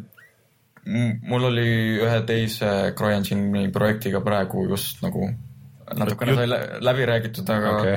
aga see on jälle see asi, kuna mul ei ole ikka veel kahjuks kool lõpetatud, siis no ma ei saa seda niimoodi. aga mis sa õpid praegu? füüsika mm,. Tartu Ülikoolis füüsikat. jah. aga äh, magistrid Äh, bakalaureus kahjuks. aga see sul äh, on nagu selle sihiga, et see nüüd toetab seda sinu mänguarendust või see on lihtsalt nagu mingi asi, mis sind teistpidi huvitab? Äh, füüsika lahe ja kasulik ka mänguarendajale? Absoluutselt, selles mõttes, et noh, minu arvates kõige suurem pluss, mis sul saab olla äh, üldse loodusteadused annavad, ongi see loodusteaduslik probleemidele lähene, lähenemine mm. -hmm. et sul on mingi probleem, siis sa mõtled välja mingisuguse hüpoteesi ja sa püüad nagu seda tõestada okay. või mida iganes äh,. aga selline küsimus, et äh, kui sa seal nüüd töötasid Crytekis, siis äh, Crytek on nagu tuntud sihuke noh, nagu graafika poolest või nagu graafikilist nagu edasiminekut äh, pressiv firma, et kas seda ja. oli sul igapäevatöös tunda ka äh,? Ei, selles Kuidagi. mõttes, et meie projektil oli nagu nii-öelda special render, render engineer, kes neid asju nagu mm -hmm. vedas asju, et kellega ma sain põhimõtteliselt iga päev rääkida ja neid asju mm -hmm. nagu mhm. arutada, see oli, see oli väga cool, mulle väga meeldis okay.. et kui sul on mingisugune bug, muidu on see, et sa ootad nagu avalikult lihtsalt ootad, kuni tuleb mingi patch või lahendus mm -hmm. sellele bug fix, aga siis on lihtsalt lähed kõrvaltuppa ja siis tonksad korra õla peale, ütled, et kuule, jama on aga kas see on nagu mingi, ütleme, kuna Crytek just nagu noh, vähemalt oma, oma maine poolest nagu eristub sellega, et nad ajavad alati kõige kõvemat graafikat, aga et äh, kas seal oli mingi eriline mentaliteet nagu inimestel ka või, või sa...? ei, tähendab, see mentaliteet oli, kuna kõik inimesed seda ootavad, siis me lihtsalt teeme seda mm. -hmm. noh, rohkem seal nagu nii väga ei olnud, selles mõttes, et tehnilise poole pealt seal olid hoopis teised asjad, kuna seal push iti väga äh, tegelaste tehnoloogiat ja tegelaste animatsiooni, mis on mm., mis on väga keerulisem või üks kõige kallimaid CG osi üldse, kui sa teed üldse filmides või arvutimängudes mm. -hmm. sest et see on see, mis on inimeste jaoks kõige äratuntavam, eks? jah, kui inimene, see uncanny valley, uncanny valley on noh, tuttav termin meil mm. paljudele aga meil chatis käib elav arutelu, ma mõtlen, et kuidas seda nüüd vormistada et äh, oleks äh, väga tuim küsida otse, et äh, kuidas siis kah palka maksti, aga, aga et äh, ma oletan, et see palk seal Frankfurdis isegi selle praktikandina oli nagu arvestatav. minul oli põhimõtteliselt okei okay., selles mõttes, et mängutöötuse palgad ei ole nagu üle mõistuse suured kuskil mm -hmm. tõenäoliselt, kui sa, kui sa ei ole mingisuguses, ütleme, Epicus mingi vana insener põhimõtteliselt mm. -hmm. Aga minu jaoks oli okei okay,, eriti arvestades sellega, et noh, tähendab, minu kõige suurem vahe teiste valgustajatega oli see, et mul oli tasuta korter, kus ma sain magada mm. -hmm. ja ma sain lõunas korra süüa. see okay., see oli kõige suurem vahe, mis meie vahel nagu oli. aga aga see ei olnud palk, onju. ei, ei, see on see on lisahüve. aga no küsitakse, et kas Eestis on võimalik sellist tööd teha, minu teada nagu Eestis siukseid, siin Telliskivis tegelikult keegi teeb mingisugust mängu äh, Crysis'e engine'i põhjal okay. või, või, või vastav, kuskil oli see isegi töökuulutus, kus äh, otsiti, aga ma ei mäleta, mis selle firma nimi võis olla. aga ähm, Eestis äh, seda tüüpi tööd äh, on aga vähe ja pigem, pigem siis äh, juba filmide ja sellest, selles võtmes, kui ja igasuguste presentatsioonide jaoks, kui konkreetselt mängude. noh, Triple M mängud on tõenäoliselt, kuigi Ringtail on äh, Eestis äh, selline firma, kes äh, teeb äh, asset eid äh, palju äh, erinevatele Alan Wake'ile ja Alan Wake'ile nad on teinud Star ja Warsi Star Warsile ja MMO-le. ma nüüd viimasel ajal ei olegi vaadanud, millele nad teevad, aga aga äh, tegelikult nagu on, kui uurida, aga need firmad ei ole nagu väga suured ja noh, ütleme niimoodi, et kui keegi, kellelgi äh, peaks olema oskusi, siis äh, inimesi on alati kogu aeg vaja, et äh, tunnen ise ka seda Playtechis, et ikka vahest, kui on nagu vaja siukest just nagu graafikakogemusega inimesi, et ega neid ei ole väga palju võtta. et kui huvi on, siis pange portfoolio kokku ja saatke igale poole, et head inimesed saavad tööd alati Eestis ka. ja palgad on üldiselt, kui oskusi on, siis on okeid. vastuseks sellele küsimusele siin Eestis. Aga Ats, sul, ma ei kujuta ette, kui palju sa Eestis nagu oled tuttav selle tööstusega, aga sa arvad, et nagu Eestis on potentsiaali mingisuguseks suuremaks mänguarenduseks ka, et kui kui Crytekil on äh, Kiievis oma stuudio, miks ei võiks olla ka Tallinnas?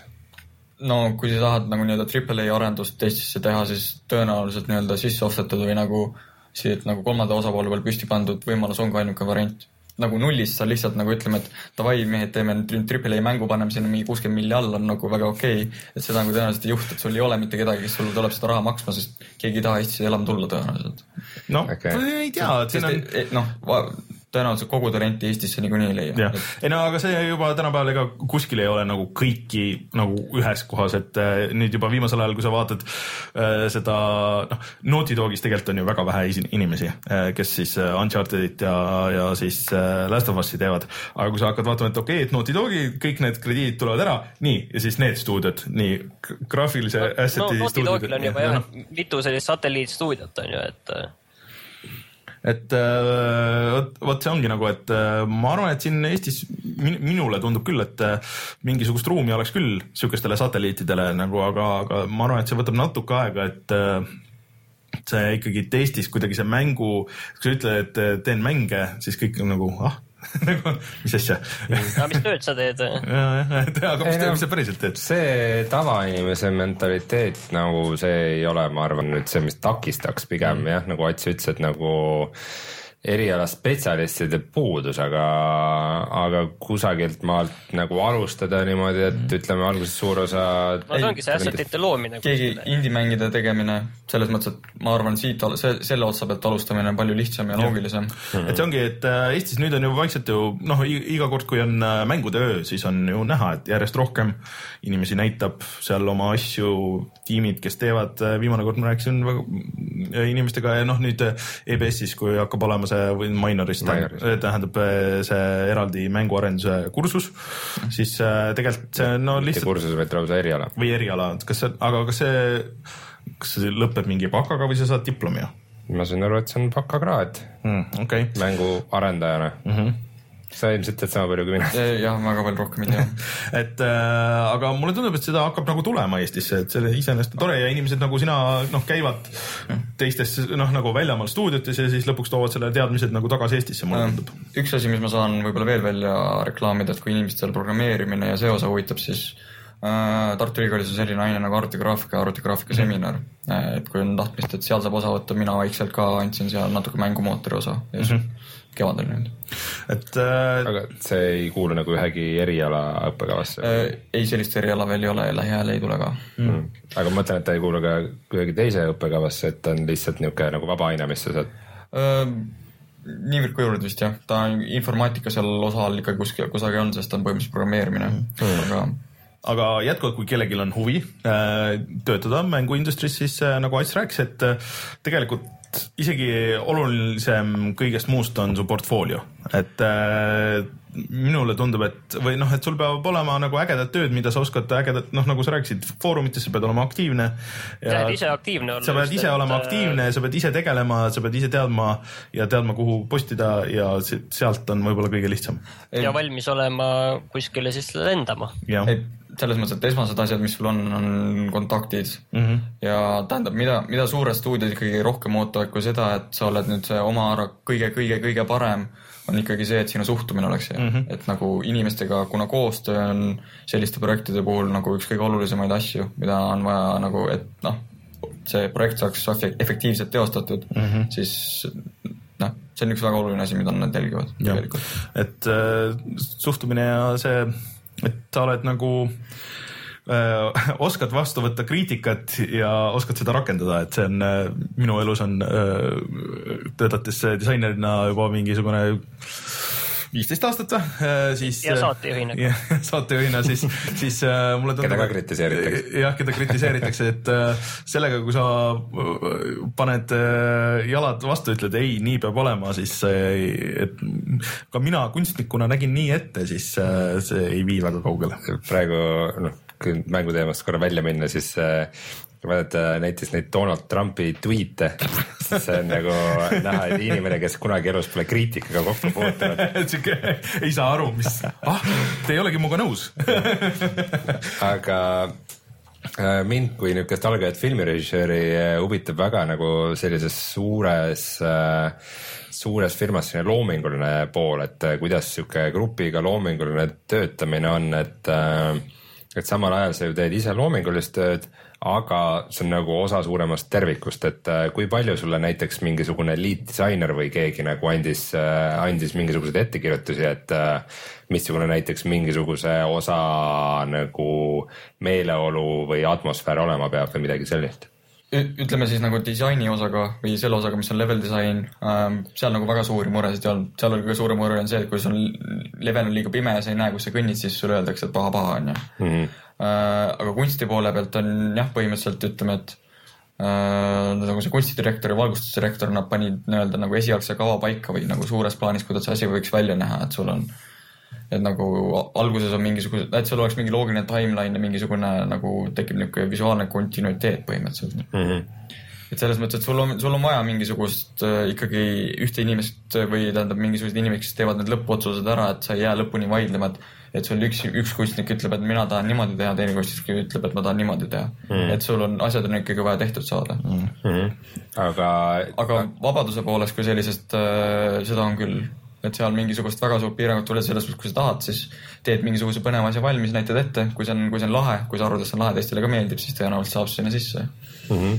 aga kui palju sa näiteks äh, töötasid koos ka nagu eriosakondadega, näiteks noh, toome siukse lihtsa näite, et äh, ütleme, et sul on sihuke pimedam level äh,, siis äh, see, et sa nagu näeksid, kuhu oma tegelasega nagu järgmisena minna, see tähendab, et see järgmine punkt on nagu kuidagi nagu, et valgus tõmbab sellele tähelepanu. et sul on vaja sinna valgusallikat on ju, mis sa siis teed? jah, et, et sa näeksid nagu no, kaugelt ära, kuhu sa minema pead. tõenäoliselt esimene inimene, kes seda sulle ütleb või kui sa seda, kellele, kellele sa sellest rääkima lähed, on disainer või siis level disainer, kes paneb selle mänguloogika, skriptimise ja nii edasi paika. ja siis on see, et siis ta ütleb, et ma tahan, et kuidagi, et noh, inimest saaks juhatada siis sa mõtled, mis sa teed, no tõenäoliselt ütleme Rise'i taolise mängu puhul sul väga palju valikuid ei ole, sul on ainult naturaalsed valgusallikad, siis ütleme, panna mingi lõkke sinna maha, onju. Mhm. mida iganes, siis sa lähed, räägid environment artistiga, kes on siis inimene, kes loob 3D asset eid ja jaotab neid seal leveli peal laiali. et iga, noh, meil oli iga leveli peal oli üks nagu dedicated environment artist mm., kes nende asjadega tegeles ja siis räägid temaga need asjad läbi ja siis on põhimõtteliselt ütleme nende peale kokku tuleb, tekib sul see 3D mudel sellisest lõkkest, siis on veel eriefekti kunstnikud, kes tahavad seda valgust nad on eriefekte sinna panna või noh, võib-olla selles mõttes sa teed kõik need asjad, paned ise alguses sinna midagi paika ära, aga nemad võib-olla tweagivad niimoodi, et need asi lõpus näeks natukene parem välja mm. -hmm. et see kõik on nagu väga kollektiivne töö, et ühte siukest äh, ühte siukest nagu väga kontrollivat overmind'i ei ole, kes tuleb ja ütleb, et nüüd see, need kõik käivad siin ja need käivad siin ja tehke ära. ei, selles mõttes, et kui sul on ikka nagu direktor on, ta võib olla küll väga hands-on, oleneb nagu, mis asi see on, kui oluline see on. mm. -hmm. ja selles mõttes, kui nagu ütleme, higher up'ile mingi asi ei meeldi, siis tõenäoliselt sa teed selle ikkagi ümber mm. -hmm. vastavalt sellele, kuidas nagu see olema peaks nende välja, nende vaate järgi selles mõttes. okei okay., aga ka näiteks äh, mm, tegelaste valgustamine, et äh, sa ütlesid, et nagu valgusallikad on naturaalsed, aga samas äh, samas sa ju tahad ikkagi, et sul näiteks äh, tegelased oleks ilusasti välja valgustatud, kes on olulised, et äh, kas seal toimub siukest palju siukest fake imist või? täpselt samamoodi nagu filmides, kõik on fake. Väike ma... softbox käib kaasas kogu aeg tegelastega. Äh, enam-vähem, selles mõttes, et seal võtad nagu vabalt, selles mõttes me tegelesime cutscene'iga nagu filmidega Mm -hmm. et me selles mõttes, kui sul on levelis on mingi koha peal on mingi lõke onju, siis arvad jah, okei okay,, siis ma panen siia mingi lisavalgustuse selle külje pealt, mis on umbes samasuguse tonaalsusega mm. -hmm. et on aga see, et siis on natukene võib-olla tugevam rimlight või natukene paremini on näha -hmm.. okei et äh, aga mudelite peal nagu mingisugust niisugust kohe fake'i valgust ei ole, et kui, mis ma üritan, vaata, ma ei ole väga palju arvutigraafikaga niimoodi kokku puutunud, aga mis ma üritan küsida, on see, et äh, kui sa võtaksid valgusallikad ümberringi ära ja sul oleks lihtsalt tegelane, kas ta oleks siis nagu must? vot, vot siin ongi see üks see suur asi, mis Rise'iga tuli, tähendab Rise'is oli ka sees oli see physically based shading, mis tähendab seda, et valgus töötab nagu päris objektidega. Äh, ja see tähendabki põhimõtteliselt seda, et sul on äh, mingisugused äh, texture map'id, mis defineerivad mingid kindlad omadused, äh, ütleme nagu nii-öelda diffuse peegeldus või mittemetalliline peegeldus, metalliline peegeldus, kui sile see materjal on ja siis palju ta üldse seda valgust peegeldab. Mm. -hmm. et sul on mingid erinevad parameetrid, mis need defineerivad, nad ei ole võib-olla kunstniku jaoks kõige nagu loomulikumad asjad, millega töötada, aga lõppkokkuvõttes nad annavad niisuguse väga-väga realistliku mulje. Mm ja sa võid seda objekti tõsta ükskõik missuguses valgustsenaariumis teise. Mm -hmm. mis on ka selles mõttes tore, et kui sul on vaja asset eid reuse ida, siis mitte nagu vanade mängude puhul, kus sa võib-olla pidid eraldi tekstuuri tegema, sellepärast et teise valgusega see nagu väga ei töötanud või mida iganes. või nagu mingi suured jamad olid, siis consistency või nagu nende asjade kokku klappimine, kõik see asi, see on, see on märgatavalt palju parem mm. -hmm. see on väga huvitav, aga ma ei tea, lähme, liigume nagu selles mõttes edasi, et äh, sul siis tulevikuplaanis ma saan aru, et sa ikkagi tahad mängudes äh, edasi töötada, jah?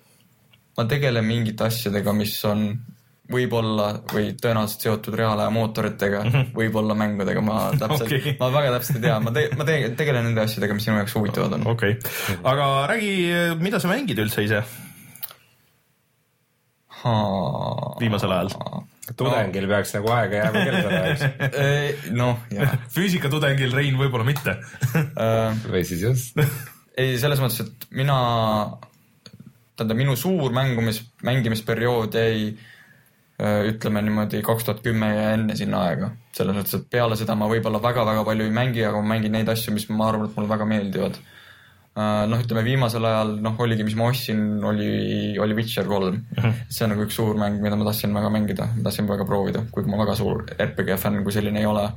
Äh, teine asi, mida ma võib-olla natuke konstantsemalt mängin, on Counter Strike Go kõik mängivad Counter Strike'i, me peame hakkama mängima. tead, mulle tundub, et seal on mingi sihuke vanuseline cut-off, et äh, sa oled natukene neist noorem, et äh, millegipärast äh, see kuskil sinna, sinna kuskile jääb see piir, kust enam edasi ei saa seda mängida. sinul, sinul muidugi ei ole seda teravust, aga äkki teistel, teistel on ei ole seda teravust ja kiirust enam. aga. kui vana sa oled, Ats, kui tohib küsida? kakskümmend neli ikka jah, no päris noh. et, et mulle tundub, et see jääb kuskile sinna, sinna kahekümne kaheksa kanti jääb kuskile see piir, et sealt edasi enam. nagu profisportlastel, eks. ja et, et, et kuidagi pärast, et kõik inimesed, kes ma tean, et mängivad Counter Strike'i, on nagu sealt nagu allapoole. ei no profi tasemel jah küll, aga. ei, ei, aga, aga, aga isegi casual'ilt mulle tundub, et viimasel ajal mulle tundub kuidagi, et kõik mängivad seda ja on, on nagu natuke nooremad. aga lähme siit äh, sujuvalt edasi või tahad sa veel millestki rääkida äh, sellega seoses? Tühja koha pealt võib-olla mitte, kui on mingeid küsimusi kellelgi teil või no, väljaspool, siis äh, ja selles mõttes, et nagu küsida, et mis edasi, et kas sa ise pigem eelistaksid nagu mängudega ja mängulaadsete asjadega tegeleda Eestis või, äh, või minnagi siis mõnda suurfirmasse välismaale tööle äh,? väga huvitav oleks ise midagi püsti panna, ise midagi niisugusel väiksemal skaalal teha aga vot sellega ongi see raske asi, et kus sa leiad selle rahastuse, selle aja, need inimesed mm -hmm. ja seal on väga-väga palju push imist on vaja või meelekindlust mm -hmm. tõenäoliselt rohkem, kui sa lähed lihtsalt niimoodi, et ütleme kümnest kuueni töö ja siis on selles mõttes peale seda nagu tegelikult chill, midagi tegema ei pea. Äh, aga samas see, ma tean, et nii mõnigi mänguarendaja meid äh, kuulab, et äh, kui huvi on, siis sinuga saab kindlasti kontakti võtta ja vaadata, mis saab. ühte rauda ma tegelikult tahaks veel veidi taguda, see äh, päike tuli. nii et see just, et, et sa lahkusid kaks tuhat kolmteist aasta keskel ja, ja Rise tuli välja kaks tuhat kolmteist aasta novembris. Koos Xbox One'iga, et, et see kuskilt kunagi lugesin, kui räägiti nagu Crytek'i praegustest rahalistest probleemidest, et äh, need osalised tulidki nagu sellest, et äh, selle Rise'i lõpetamiseks, selleks nagu launch'i tähtajaks äh, palgati väga palju lisatööjõudu ja et see oli nagu väga niuke niisugune napp äh, värk, et kas siis, kui sina lahkusid, tundus just, et nagu asjad hakkavad hulluks minema või siis oli nagu see põhihullus juba läbi um...? No valgustamise poole pealt selles mõttes, et minu tööd või asja nagu väga palju pärast ei muudetud, seal, sealt oli nagu okei okay. uh,, see keerulisem osa vist oli äkki kood, kui ma ei eksi ikkagi mm, -hmm. mingid paagid ja värgid. et see asi jookseks äh, Xbox One'i peal nii nagu peab jooksma? jah uh, selles Xbox One'i devkit äh, alles mingi suhteliselt hilja, jah. kaks tuhat kolmteist alguses või isegi, ei, ma oletan ikka varem. see oli natukene varem. jah ähm, ütleme, välistuudio outsourcing nagu kunsti poole pealt oli tegelikult selleks osaks, selleks ajaks juba põhimõtteliselt läbi Mm -hmm. et selles mõttes, et sul 3D mudeleid ja neid asju nagu väga enam sisse ei ostetud. animeerimisega oli jah, siis veel küll, et sellega usinasti tegeleti, kuna see pipeline alles siis sai nagu paika või need asset'id nagu enne ei saanud väga mootorisse. Martinil oli see huvitav küsimus, et see oli ju launch'i mäng, et kui kõvad NDA-d teil peal olid? no ikka parasjagu see, see selles mõttes, et nagu kodust oleks ilma jäänud, kui sa nagu mingi jamaga oleks hakkama saanud aga sul oli tasuta korter jah, minul küll jah. NDA siis tähendab äh, eesti keeles mitteavaldamislepingut. jah, et äh, ei tohi rääkida keegi Mil,. milles, millega sa töötad, mis mis, mis seal kõige salajasem asi, ilmselt oligi see et mis projektiga sa töötad, enne kui ta välja kuulutati, seda ei mhm. tohtinud öelda, eks?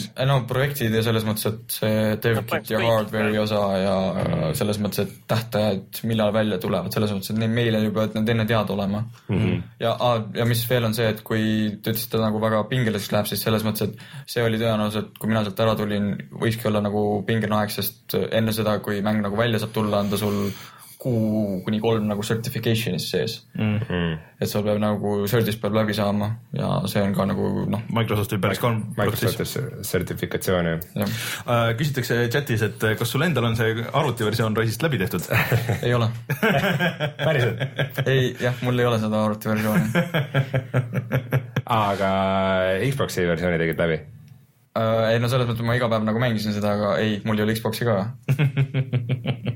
nii et nagu sa lõpetasid selle mänguga töötamise ära ja sa kunagi nagu ei olegi seda päris hästi läbi mänginud uh,? ei.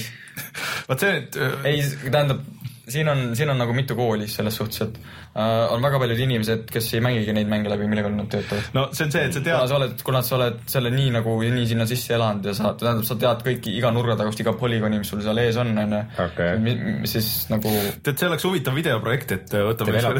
ja, et võtame sind kõrvale ja mängime. võtame ühe leveli äh, PC peal ette ja, ja siis sa võid rääkida, kuidas äh, mingi, me tuiskame mööda, vaata mingist ühest kohast, siis ah, vaata minu kolme kuu töö. vaata seda veidi pikemalt, seda valgust, et oli ju äge mingi, vaata, kuidas seal asjad lendavad õhus ja miks sa ei vaata. ei no, aga nii ongi.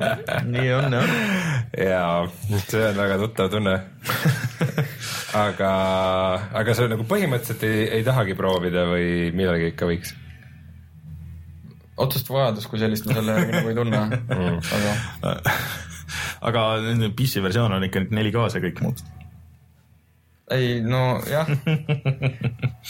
Ei, selles mõttes, et ta.... mulle tundub, et me ei veela sind jumala okei okay, mäng. Ei, selles mõttes minul nagu, kuna mina tulin nagu üldse FPS koolist enne üle, et ma ei olnud nagu üldse nagu third person game'e väga palju nagu mänginud mm., siis mul ei olnud, ma, ma ei osanud nagu väga palju oodata või selles mõttes äh, aga noh, selles mõttes, core gameplay on põhimõtteliselt nagu solid, võib-olla ta ei ole kõige põnevam ega innovaatilisem, aga noh, seal on teised probleemid, et võib-olla teda on vähe ja võib-olla mingeid asju korratakse natuke liiga palju ja nii edasi ja nii edasi. okei okay., aga ma arvan, et aitäh, Ats ja muidugi sa jää siia ja kommenteeri meie mänge edasi. et äh, lähme saatega edasi ja räägime siis äh, sellest, mis meie mänginud oleme, et Jaa. Rein, alusta sina, sa tegid Batman'i läbi. Tegin. Ja nüüd äh, selle saate nagu äh, võtmes äh, nagu räägime põhiliselt valgusest ei, see on tegelikult väga hea point selles mõttes, et äh, et sageli mingeid aspekte, no nii filmidest, mängudest mm., raamatutest, mida iganes, sa ei, sa ei hinda mingeid aspekte enne, kui sa oled kuulnud, kui palju keegi nagu vaeva näinud selle kallal. Ja ma arvan, et nagu kõik meie tänased kuulajad-vaatajad nagu edaspidi võib-olla sekund või paar kauem kasvõi vaatavad mingit äh, valgushellikut või pööravad sellele tähelepanu. keegi on selle teinud jah, keegi on sellega pikalt tegelenud. aga Batmanis tegelikult vaata on üks huvitav asi küll, et vot see on tegelikult öösel toimub kogu see mäng. aga sa, et ta on samas nagu pime, aga samas ta ei ole nagu pime, et. täpselt samamoodi nagu filmides. et äh, ta on väga hästi nagu tehtud, et sulle ikkagi mõjub ta ikka nagu siukse pimeda ööna, sihuke noh, pime sünge öö ja vihma sajab, onju. aga samas sa nagu näed kõike, mis sul on vaja näha, et see on selles mõttes disainitud väga hästi minu meelest. nõus. tõsi, et äh, aga ma tahtsin sinna Batman'i juurde midagi öelda äh,. mul oli mingisugune probleem sellega, mitte tehniline äh,, vaid story mode'i probleem, aga näed, vaata ilusad kaadreid tulevad sealt meie aknast, aga, aga et äh, hmm, nüüd ma, nüüd ma olen muidugi selle juba ära unustanud okay., aga mina jõudsin igatahes Batmanist rääkima lihtsalt, sul tuleb meelde, siis räägid. Ehm, ma jõudsin sinna nende suurte tankideni ja need on väga lollid Ehm, ja jumal tänatud, et ma ei mänginud Hardiga, sest et ma juba, juba nagu selle normaliga ma üldse ei viitsiks mängida neid tangiosasid. mm,.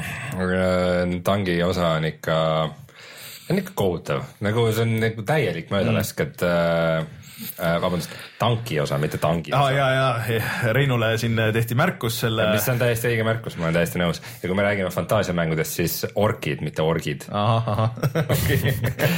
aga see tanki osa on, on kohutav.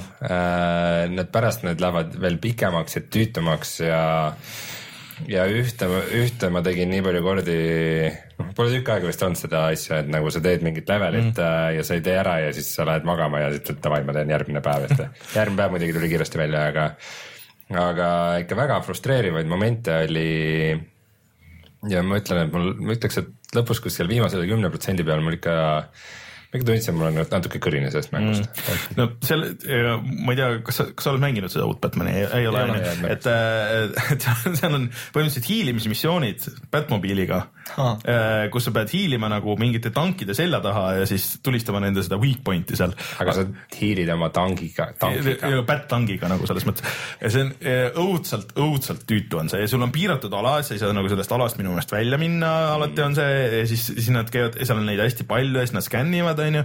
ja siis sa pead vaatama, et leidma mingi koha, kus sa saad vaikselt hiilida, piilida ja siis lased nagu see see on nii loll, see on lihtsalt loll, et mm. Kogu aga, aga see on muidugi üks asi, mis vist ei saa piisavat hindamist selle mängu juures. kui ägedalt on see tehtud, vaata kuidas sul ümbruskond läheb puruks mm. -hmm, nagu äh, mitte ainult, et nagu mingisugused puud ja asjad mm. -hmm. vaid ka näiteks nagu majade servad mm -hmm. ja mingid sambad, mis on nagu majade küljes. et kui sa lähed nagu majale liiga lähemale, vot see on see, mis nagu veidike hellitab ära, kui me tegime selle Karmageddon kahe videot. Karmageddon äh, Rem, Visit Master Reincarnation, Incarnation. Reincarnation jah, siis äh, see oli täpselt see, et nagu ma autoga ringi sõites ma sain aru, et ma olen juba ära harjunud sellega mm. Batmanis. et sa võid vastu nurki minna, et sa ei pea sind su hoogu automaatselt kinni, vaid sa saad sealt nagu, nagu võist läbi sõita. ühe, ühe märkuse üldiselt, üldiselt mänguarenduse koha pealt, mis ma veel tahaks tuua, on see, et äh, mänguarendajad saavad väga palju materdada sellepärast, et kas sa ei näinud, et see asi on siin katki. on väga tõenäoline, et nad teavad, see asi on seal katki, aga kuna tähtajad ja asjad on niimoodi kukil, siis, siis tuleb teha valikud, millest või ütleme isegi halb, kuna sul jääb halb disain jääb lihtsalt sellepärast sisse, et sul ei ole lihtsalt aega või sul ei ole raha ja sa pead mm. selle asja lõpetama, sest sa tahad kodus süüa ka kas, kas need on need asjad, mis märgitakse seal äh, Jiras või kus iganes see on, mis see projekti haldamise äh, tarkvara on, on, on see KS ehk siis known shippable bugi ja see juurde on. by design ja jah, jah, aga noh, lihtsalt see algne idee juba, et hmm, et meil tuleb järgmine Batman'i mäng, et mis, mis nagu, mis uue mehaanika me paneks, et äh, tangilahingud ja tangiga ta, kõik oleks- tankilahingud ja tankiga hiilimine. kõik see Batmobile, kõik oleks jumalast okei okay,, kui need äh, missioonid oleks vaata ühe, noh, lihtsalt need kõrvalmissioonid, vaata. et sa lähed, teed neid Batmobile'i missioone seal vahepeal, kui huvi on ja, ja olekski kõik ja kui sa tahad, siis sõidad selle Batmobile'iga ringi mööda linna, mis on tegelikult jumala cool, et äh, kui sa näiteks hüppad kuskilt maja katuse pealt alla, siis äh, vajutad seda Batmobile'i nuppu äh, ja siis see sõidab sulle alla ja siis sa hüppad nagu täpselt sinna nagu sisse ja juba sõidad Batmobile'iga edasi ja siis vajutad kaks korda hüppamisnuppu ja siis lendad sealt klaasist või noh, lendad nagu välja ja saad lennata kuskilt klaasist sisse kohe. et see kõik on väga cool mm., aga kui sa pead nagu seda, see tulistamine seal on kõik nii tüütu mm., et eriti veel seal mängu alguses, kus seda on nagu rohkem ja vist siis lõpus on ka veel rohkem onju. jah, no eks äh, see on põhimõtteliselt nagu vaata mingid, mingid nagu mängumehaanikad, mille vahel äh, asi vahetub, nagu see tegelikult on olnud juba Arkham Asylumist saadik, et sa nagu, sul on see detective mode, siis sul on, siis sul on üks beat em up koht, siis on üks stealth koht ja nagu põhimõtteliselt nad järjest niimoodi korduvad ja korduvad ja korduvad.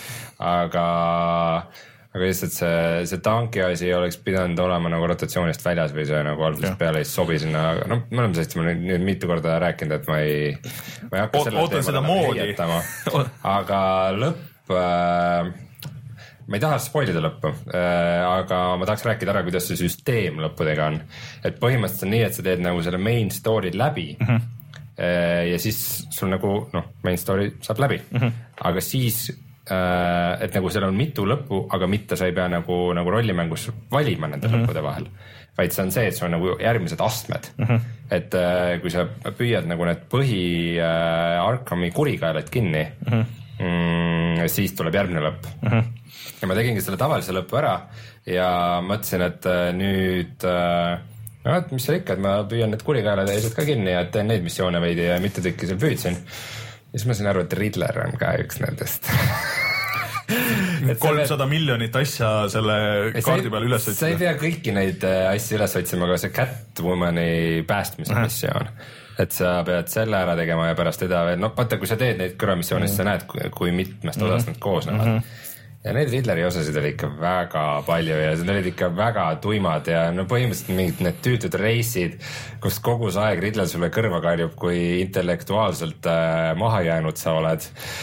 Ja see Riddleril on kõvasti, kõvasti, kuskil podcast'is oli, et Rid- Riddleril on kõvasti aega ja raha olnud, et mingit Mario karti leveleid sulle disainida sinna kuskile. kuskil maa all on ehitanud neid nagu hullult vaeva näinud nagu. see on mingi mitmesaja miljoniline eelarve lihtsalt nagu täiesti hull. et kas, et oota, kus, kuidas see oli, et kas, kas kuskil oli Kickstarter, et kiusame Batmanit?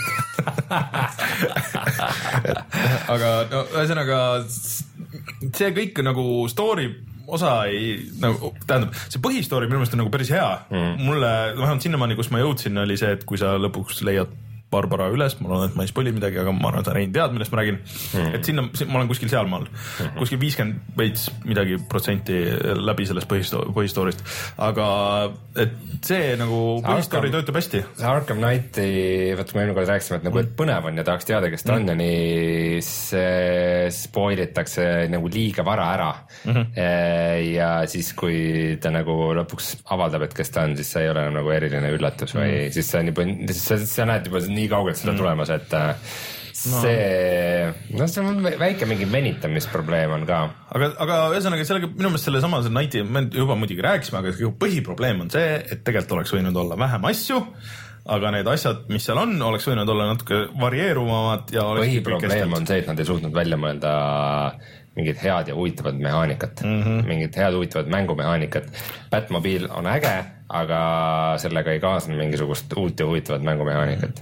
ja selle, no teine asi, mis nad ju reklaamisid kõvasti, on see, et aa, sa saad vaata nagu mitmekesti koos nagu mängida, et sul tuleb Robin tuleb appi, aga aga, aga see on mingis paaris kohas ainult põhimõtteliselt mm.. et äh, oleks, ma sain aru seal, et sa võid nagu igal hetkel nagu vahetada seda või kutsuda appi, aga seda ei ole. GTA viies. Jah, või vaata, Robin parasjagu joob õlut kuskil oh, no okei okay,, lähme.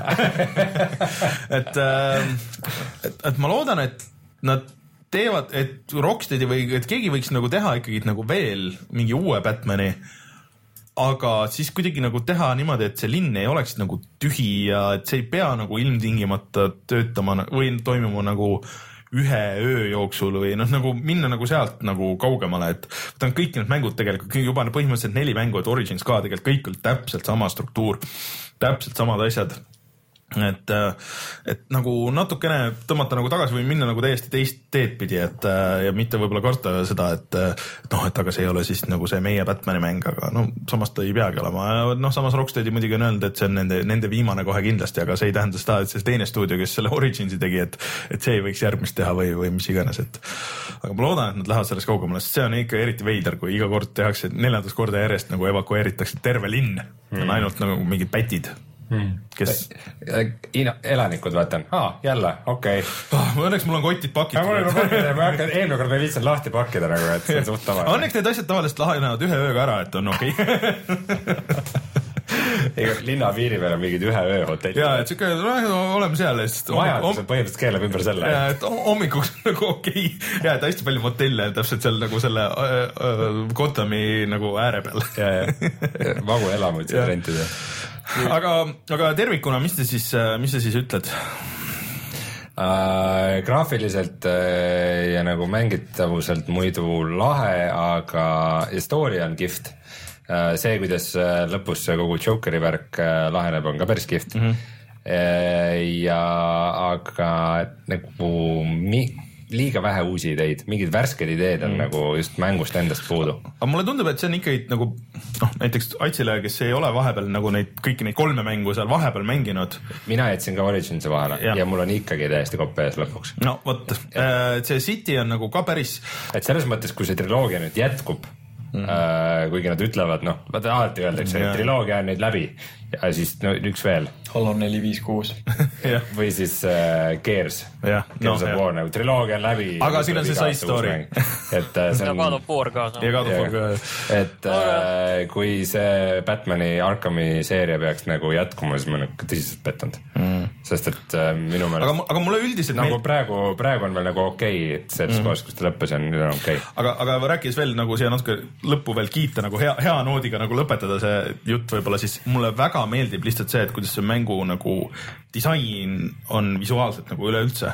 et ta on kuidagi väga hea ühendus sellest, äh, sellest äh, nagu koomiksi Batmanist, sellest Tim Burtoni filmidest ja siis äh, nendest äh, Nolani filmidest, et minu meelest see, see visuaalne stiil, et on mm. nagu hästi kihvt. see on niuke realistlik, aga. aga koomiks, aga. mingi koomiks, see võti on sees. jah, et äh, ja sihuke üle, üle hästi dramaatiline, sihuke üle stiliseeritud kohati, aga, aga minu meelest see töötab õudselt hästi seal.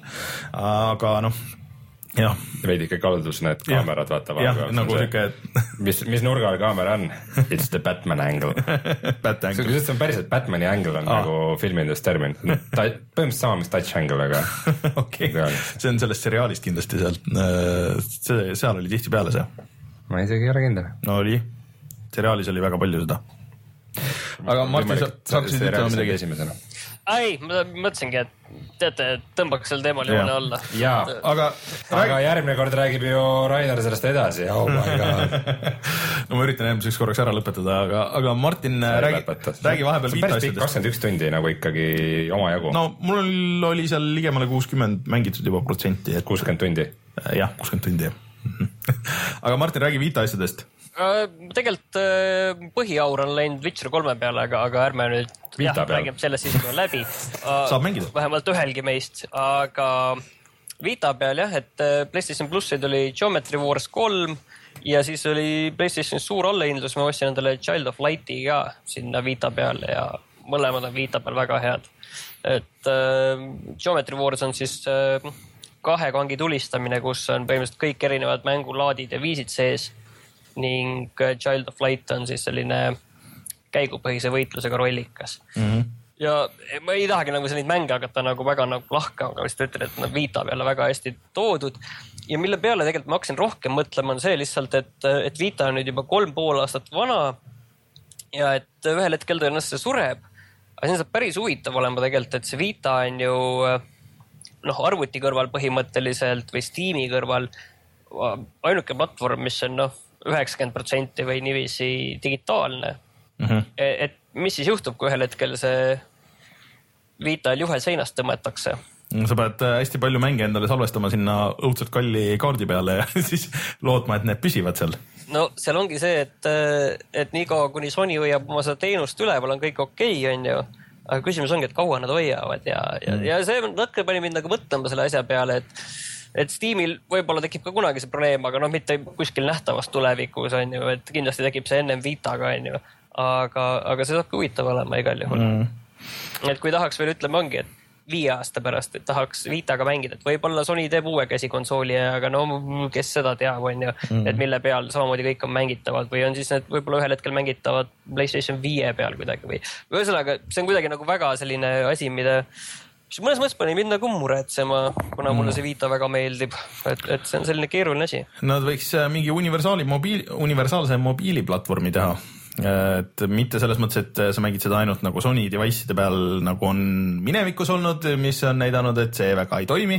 aga lihtsalt, et, et sul on kõik need mängud on kuidagi olemas su mis iganes telefon, sul on Androidi telefon või, või, või iOS-i telefon ja siis kuidagi saaksid nagu seal. nojah, vaata, aga su mängud on kõik seotud selle sinu selle Sony Playstation no, Networki selle kontoga ja, ja, ja, ja kõik kuskil peab see lahendus mm. olema, et ühesõnaga, see on nagu selline murettekitav koht mm., mille peale ma hakkan mõtlema, aga, aga noh, ühesõnaga jah jah, eks siin aeg näitab, mis mm. saab.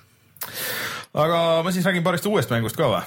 Nintendo nurk. jaa, Nintendo nurk. Raineri Nintendo nurk läheb lahti nüüd. ühesõnaga mängisin äh, nii Splatooni kui Yoshi's Woolly Worldi, et äh, räägime kõigepealt äh, võib-olla siis Splatoonist, et see oli see mäng, mis eelmine aasta E3-l välja kuulutati, siis mulle nagu väga ei avaldanud erilist muljet, aga nüüd mängides see tundub ikka väga lahe, et see on põhimõtteliselt siis neli versus neli äh, online tulistamine äh,. aga siukse väikse. ei mäleta, kas see on kolmanda isiku vats või esimene? kolmanda ja, ja siis äh, sellise väikse twistiga, et äh, sina oled siis kas poiss või tüdruk, kes võib muutuda siis selleks kaheksa jalaks. kaheksa jalaks jah, ehk siis äh, sa tulistad äh, mitte kuule, aga sa tulistad värvi, et sul on hästi palju relvi tegelikult, mida sa saad uuendada veel ja siis sul enda gear, noh, kas siis jalatsid või headgear või, või siis mingi särgid ja püksid, värgid, et mis kõik on erinevate võimetega, siis sa neid saad uuendada.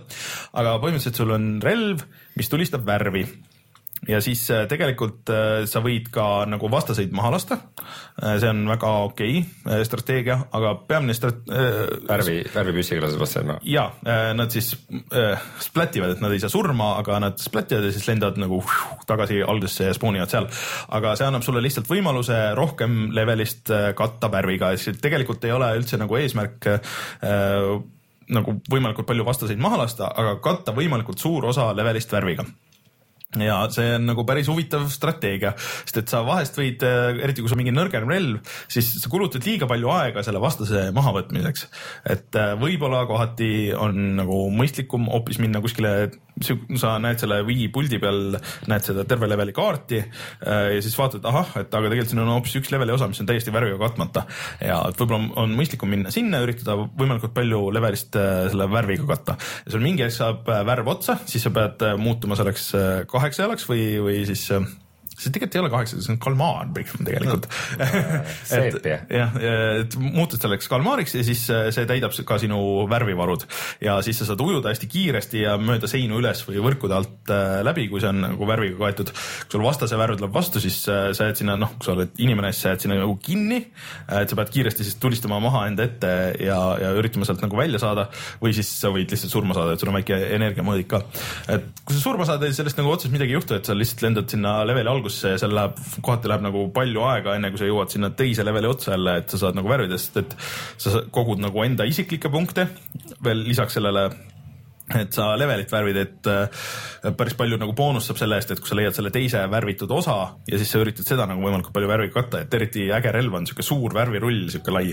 siis sa jooksed sellega, katad nagu mitme enda laiuse osa, aga selle miinus on jälle see, et see ei tulista väga kaugele, et sa pead siis vaatama, et level, aga sa ei saa nagu poole raundi pealt, sa ei saa relva vahetada, et sul siis on kas üks või teine, aga igal. see nagu klassiga tuleb kaasa see relv äh,? mitte klassiga, et sa põhimõtteliselt valid nagu relva ja siis see nagu muudab su klassi sisuliselt ja siis sellel igal relval on siis ka oma nagu special mode, et kas sa viskad granaate või siis eh, kui sul saab see mingi special mode'ik täis, et siis sa paned siukse, siukse, mis mul oli see sihuke suure kõlari nagu põhimõtteliselt püsti, et mis laseb siis teised vastased nagu õhku seal, kui nad jäävad sinna ette. aga see võtab sul nagu aega, see ülespanemine, et sul on nagu ohtlik, et sa võid veits surma saada. aga huvitav on nagu see süsteem, et sul on korraga mängitav ainult kaks levelit. ja need vahetuvad nagu iga päev et äh, seal tegelikult vist levelite arv praegu on päris piiratud, aga nad lubasid, et noh, järjest tuleb nagu juurde, et nagu, nagu Hitman veits, et, et ostad terve mängu ära, aga siis kogu aeg tuleb asju juurde. ja seal alguses hakkab siukse väikse nagu uudiste saatega, kus kaks tšikki räägivad sulle, et nii, et meil on nüüd need levelid on need ja siis ranked levelid, et kui sa jõuad level kümneni oma asjadega, et siis äh, rank levelid on äh, täna on need äh, ja siis, et praegu käib veel mingisugune võistlus, et sa alguses oled siukse väikse areeni peal, kus on hästi palju inimesi, kus sa näed, mis nad Miiverse'i postinud on. saad nendega juttu rääkida või siis saad oma noh, nagu riideid osta või, või vahetada ja, ja upgrade ida oma gear'i. seal on mingisugune üksikmängu osa ka, et sa lihtsalt teed nagu leveleid, et noh, kus lihtsalt mingid vastased on, et sa tulistad neid, see nagu ei olnud väga äge, et põhiasi on ikka see, see mitmikmäng. See, see päriselt Rainer mängib Nintendo peal shooter'i mitmikmängu või? et äh, ükskord teeme sellest kindlasti video ka, et see on päris äh, raske Kõlab asi. Nagu, päris lõbusalt. et see on, ta on väga lõbus nagu. kas sa kasutad neid tilt control'e ka? ei kasuta, ei kasuta, ei kasuta see on alguses äh, saad selle maha keerata. inimesed räägivad, et see pidi täitsa, kui sa harjud ära, et siis on nagu täitsa okei okay.. aga saad kahekesti ka mängida niimoodi, et äh, üks versus üks niimoodi, et üks on teleka peal ja üks on puldi peal okay.. siis, äh, aga äh, kogu see ujumise see mehaanika ja see kõik nagu töötab hästi ja see on hästi hoogne, et see üks level, üks raund kestab mingi, ma ei tea, kas neli minutit või. Äh, ja siis samal ajal kui level load ib või sul otsitakse vastaseid, sul on siuke pisike kaheksapiltine minimäng on ka seal, kus sa oled väike see kalmaar ja siis hüppad lihtsalt noh, nagu siuke väike platvormer. ja siis ta salvestab vahepeal ära ja siis, kui järgmine, järgmist matši raundi load ib, siis saad nagu edasi mängida, et sealt, sa pooleli jäid et see on päris, päris kihvtid nagu siuksed väiksed touch'id on. ja eh, ma sain sellised variandid mõlemast mängust mängust, kus on Amiibod ka mul siis esimesed Amiibod. Ja Amiiboga on nagu siuke naljakas asi, et sa puutud selle vastu seda, seda siis pulti. mis asjad on Amiibod? Need on need väiksed kujukesed siis, äh, kus on sees äh, see ID chip Mm -hmm. ja siis need annavad erinevates mängudes annavad erinevaid asju. näiteks kui ma läksin, hakkasin mängima seda Yoshit, siis ma lähen sinna Amiibo osasse või noh, puutun nagu seda pulti selle, selle Splatooni Amiiboga, siis ma sain mingid spets nagu kostüümi sain Yoshile sellega, mis on ainult see mm. nagu selle Amiiboga siis seotud. Äh, või siis äh, selles äh, Splatoonis siis sa saad eraldi nagu väljakutseid, eraldi mode on nagu see, et erinevate nende Amiibodega, mida see siis toetab, et näed, et siin sa saad nagu sihukest boonust, et kui sa teed neid üksikmängu leveleid, et saad sihukest gear'i või saad nii palju raha või, või noh, nagu siuksed asjad. et seal nagu tegelikult tundub, et mängimist on, et mulle praegu nagu ikka väga meeldib see. ainuke miinus on see, et ma ei saa mängida ainult puldi, selle puldi ekraaniga millegipärast, et ta tahab nagu ikkagi teleka peal, et see oleks sihuke hea asi, sihuke head kiired raundid, et aga, aga selles mõttes on äge, et äh, Nintendo on jälle suutnud seda teha, et mida paljud nagu ei ole, et kui palju siukseid peale Plants versus, vot feel on kuidagi natuke sarnane selle Plants versus Zombies'i shooteriga, et et noh, mida Garden nagu, jah, et mida lastel ka nagu tegelikult sobib mängida, et keegi mingit vägivalda ei ole, kõik on nagu hästi sa nagu valmistad lapsi ette nendeks õigeteks mängudeks. et äh, aga ja keegi, keegi röövis terve rekatäie Amiibosid äh, see oli ilmselt see Yoshi Amiibo, mis on tegelikult eriti äge, et, et kui muidu on siukse plasmaskujuks, et siis see on nagu heegeldatud okay. sest äh, okei okay,, ma räägin siis Yoshist ka, et äh, see on Yoshi's Woolly World, et nagu nimi ütleb, et äh, see on Yoshi platvorm, ainult et kõik on heegeldatud või kootud või tehtud riidest. et natuke meenutab äh, seda Kirby's Epic Yarn'i, mis oli põhimõtteliselt samasuguse põhimõttega, aga see oli oluliselt lihtsam ja sihuke noh, nagu kõvasti rohkem lastekam.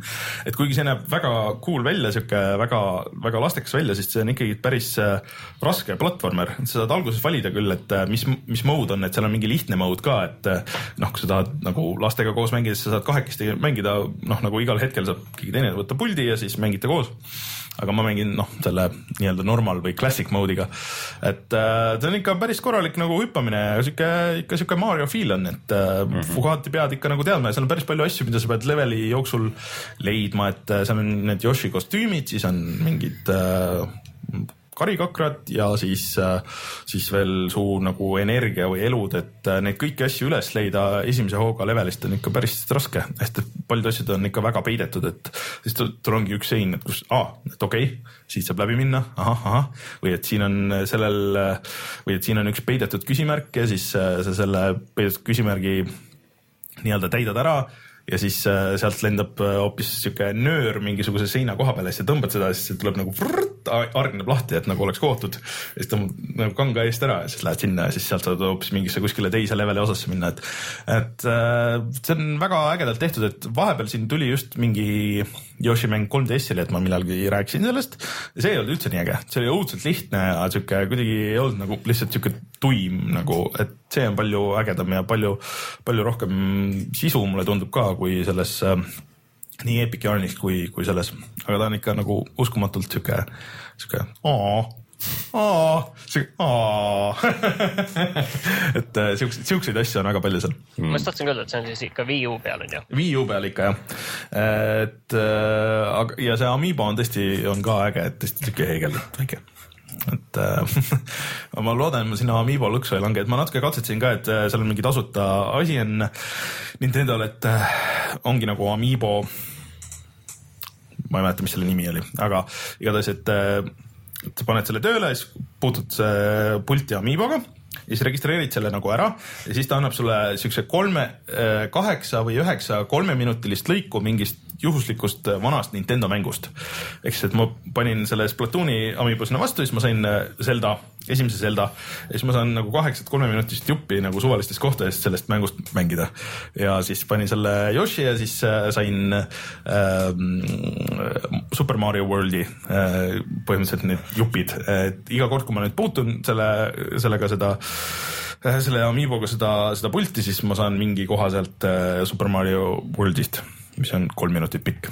ja siis seal on link ka muidugi, et seal näed, siin on see virtual äh, see äh, noh, ühesõnaga saad minna ja osta selle mängu nagu tervenisti ka endale, kui tahad. Äh, see Amiibo värk on nagu naljakas, et veider veits. aga ilmselt nagu mulle tundub, et neil läheb sellega väga hästi ja inimesed väga ajavad neid taga, aga noh aga, aga nii Splatooni kui Yoshi's Woolly Worldi, Worldi julgen küll soovitada, et see Amiiboga versioon maksab mingi viieka vist rohkem kui see tavamäng, et äh, iseenesest nagu tore. väga suur karp on muidugi, nagu mingi jõhker. et äh, aga, aga mõlemad on head mängud, ei tasu karta üldse, eriti Splatoon. Ats, sa arvad, et äh, Counter Strike'i juures meelitaks sind Splatoon ära äh,? mul ei ole Wii U-d ja ma ei tahaks eriti Gamepadiga mingit FPS-i või third person shooter'i laadset asja nagu. jah, aga see on nagu niimoodi, et seal see täpsus ei ole võib-olla nagu nii primaarne, et seal.... see mäng on kohe niimoodi üles ehitatud, et ei ole nagu täpsus selle. jah, et äh, aga kõige suurem. see on nagu leegiheitja, ma saan aru nagu. jah, põhimõtteliselt. kõige suurem kriitika, mis mina olen kuulnud sellele on see, et kuna see asi maksab ise viiskümmend euri ja sul mm -hmm. content'i kui seda nagu väga palju veel vist ei ole või mida iganes. see, sinna tuleb jah juurde, et aga mulle tundub, et see ongi kõik nagu üles ehitatud natuke selle peale, et kogu see struktuur nagu algusest, noh muidugi neid leveleid võiks nagu rohkem olla. ja see täpselt nagu Hitman ju. E, aga, aga et ei, need tuleb kunagi. aga et see on, kuna sa ei saa näiteks sinna ranked osasse, sa ei saa minna enne, kui sul on level kümme, siis see kõik on nagu alguses ehitatud üles väga see, et, et sa õpiksidki nagu hästi ära need levelid ja et kuidas sul, et sa saaksid võimalikult palju omal nagu neid relvi värki lahti, et sa saad kõik need enne ära proovida, kui sa enne, kui sa hakkad nagu ranked mänge tegema, et äh, aga, aga jah, noh, neid leveleid ma ei mäletagi, palju neid kokku oli, see oli võib-olla kuus või seitse või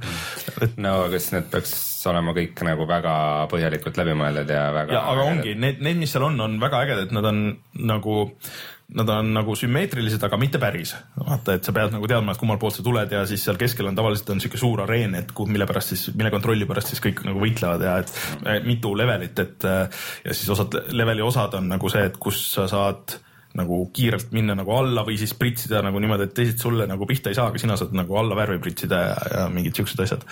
et äh, seal nagu siukest strateegia osa on ka, aga noh, tõesti, et ma olen alles level kuus võib-olla.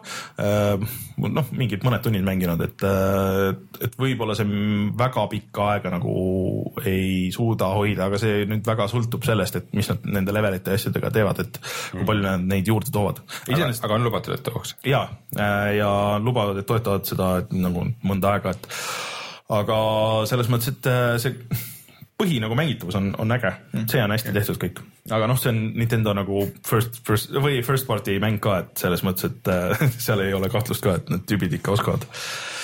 vot, aga äh, tundub, et äh, mängud on mängitud, tuleme siis äh, tagasi ja vaatame, mis on sellel nädalal odav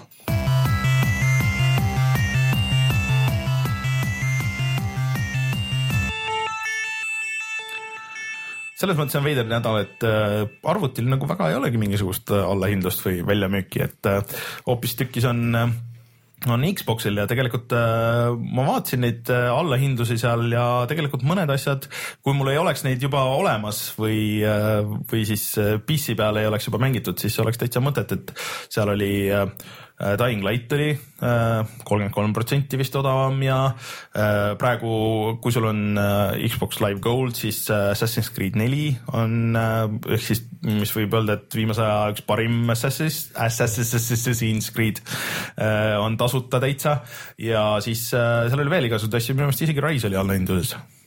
ma ei tea, Martin, või on sul, on sul see nimekiri ees, ei ole? Ei ole, aga, aga ma tegelikult äh, Steamist ühe mängu tegelikult leidsin, mille on muide Platinum teinud, mis maksab kolm seitsekümmend neli ja selle nimi on The Legend of Korra. ja, aga see pidi kohutavalt halb mäng olema ma ei tea, ma olen kuulnud ka teistsuguseid arvamusi, aga ma ei ole ise mänginud, et aga, aga see maksab ainult kolm seitsekümmend neli, et selle eest saab nagu selle võib lubada endale selle järele proovimist kas see on kuidagi selle Avatar Airbenderi maailm? ja see on see teine seriaal, mis kõik kiidavad, see seriaal pidi iseenesest väga hea olema, see uus, see Legend of Korra. seriaalide põhjal tehtud mängud on.... nojah, see pluss see on siuke platvormer, et see on teoorias nagu siuke Metroidvania vist, aga et mitte väga hea okay.. et. Äh, no iseenesest äh, kosmosesimu Elite Dangerous on praegu kolmkümmend kolm protsenti alla hinnatud, aga ikkagi kuradi kallis, kolmkümmend kolm eurot nelikümmend üheksa senti. ma tõmbasin alla, Elite Dangerous on tegelikult Xbox One'il ju early access'is, esim-, esimene kahest early access mängust, aga ma ei jõudnud seda veel tööle panna, sest et see oli mingi õudselt suur ja see jäi mul ööseks tõmbama, et. vaat nagu tasuta? Äh, ta on nüüd, äh, kuna on early access, siis tal on see tasuta mingi pooleteist tunni demo või midagi siukest mm.. et ähm, tahtsin lihtsalt ära proovida, et kuidas ta jookseb, et see PC peal nägi väga hea välja, et vaadata korra, et kuidas ta Xbox One'i peal on. okei okay., aa muide Xbox One'il tuli ju Goldi ka see Smite. ma üldse ei teadnud, et äh, Smite on, on siis MOBA ehk siis, et kas me MOBA-le mõtlesime mingi eestikeelse nime välja? midagi oli vist no ja mitmik, mitmikmängu multi ja mm. Rein taplus. ja Massive Chalice on ka jätkuvalt veel, aga. aga et ma üldse ei teadnud, et plaanitakse mõnda, mõnda nagu populaarset, sest Smite'il on nagu kasutajaid küll ta ei ole nagu Dota või LOL-i nagu mm. suurune, aga ta on ikka päris populaarne, ma olen aru saanud ja et ma ei teadnudki, et ta on nagu konsoolidele ka tulemas, aga ta on Xbox'i. ta on vist mõnda aega juba tegelikult isegi. Xbox One'is ta on betas ja nüüd vist nagu kõik selle Goldi liikmed saavad selle, seda mängida mm..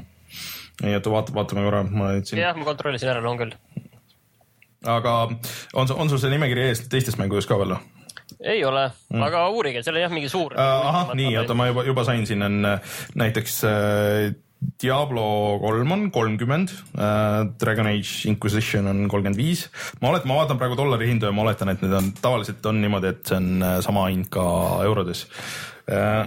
Siis äh, Halo Master Chief Collection äh, on allahinnatud kolmekümne viie peale äh,. siis. ei no see kõlab kõik no. väga vägevalt mm. -hmm.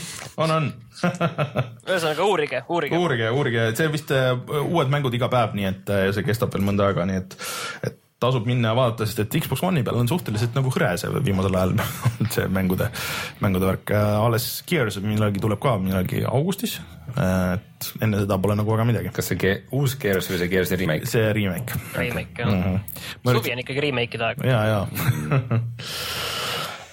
no selge. nii on väga aitäh. Rein, kui sa Eestist ostad mänge, kus sa neid ostad?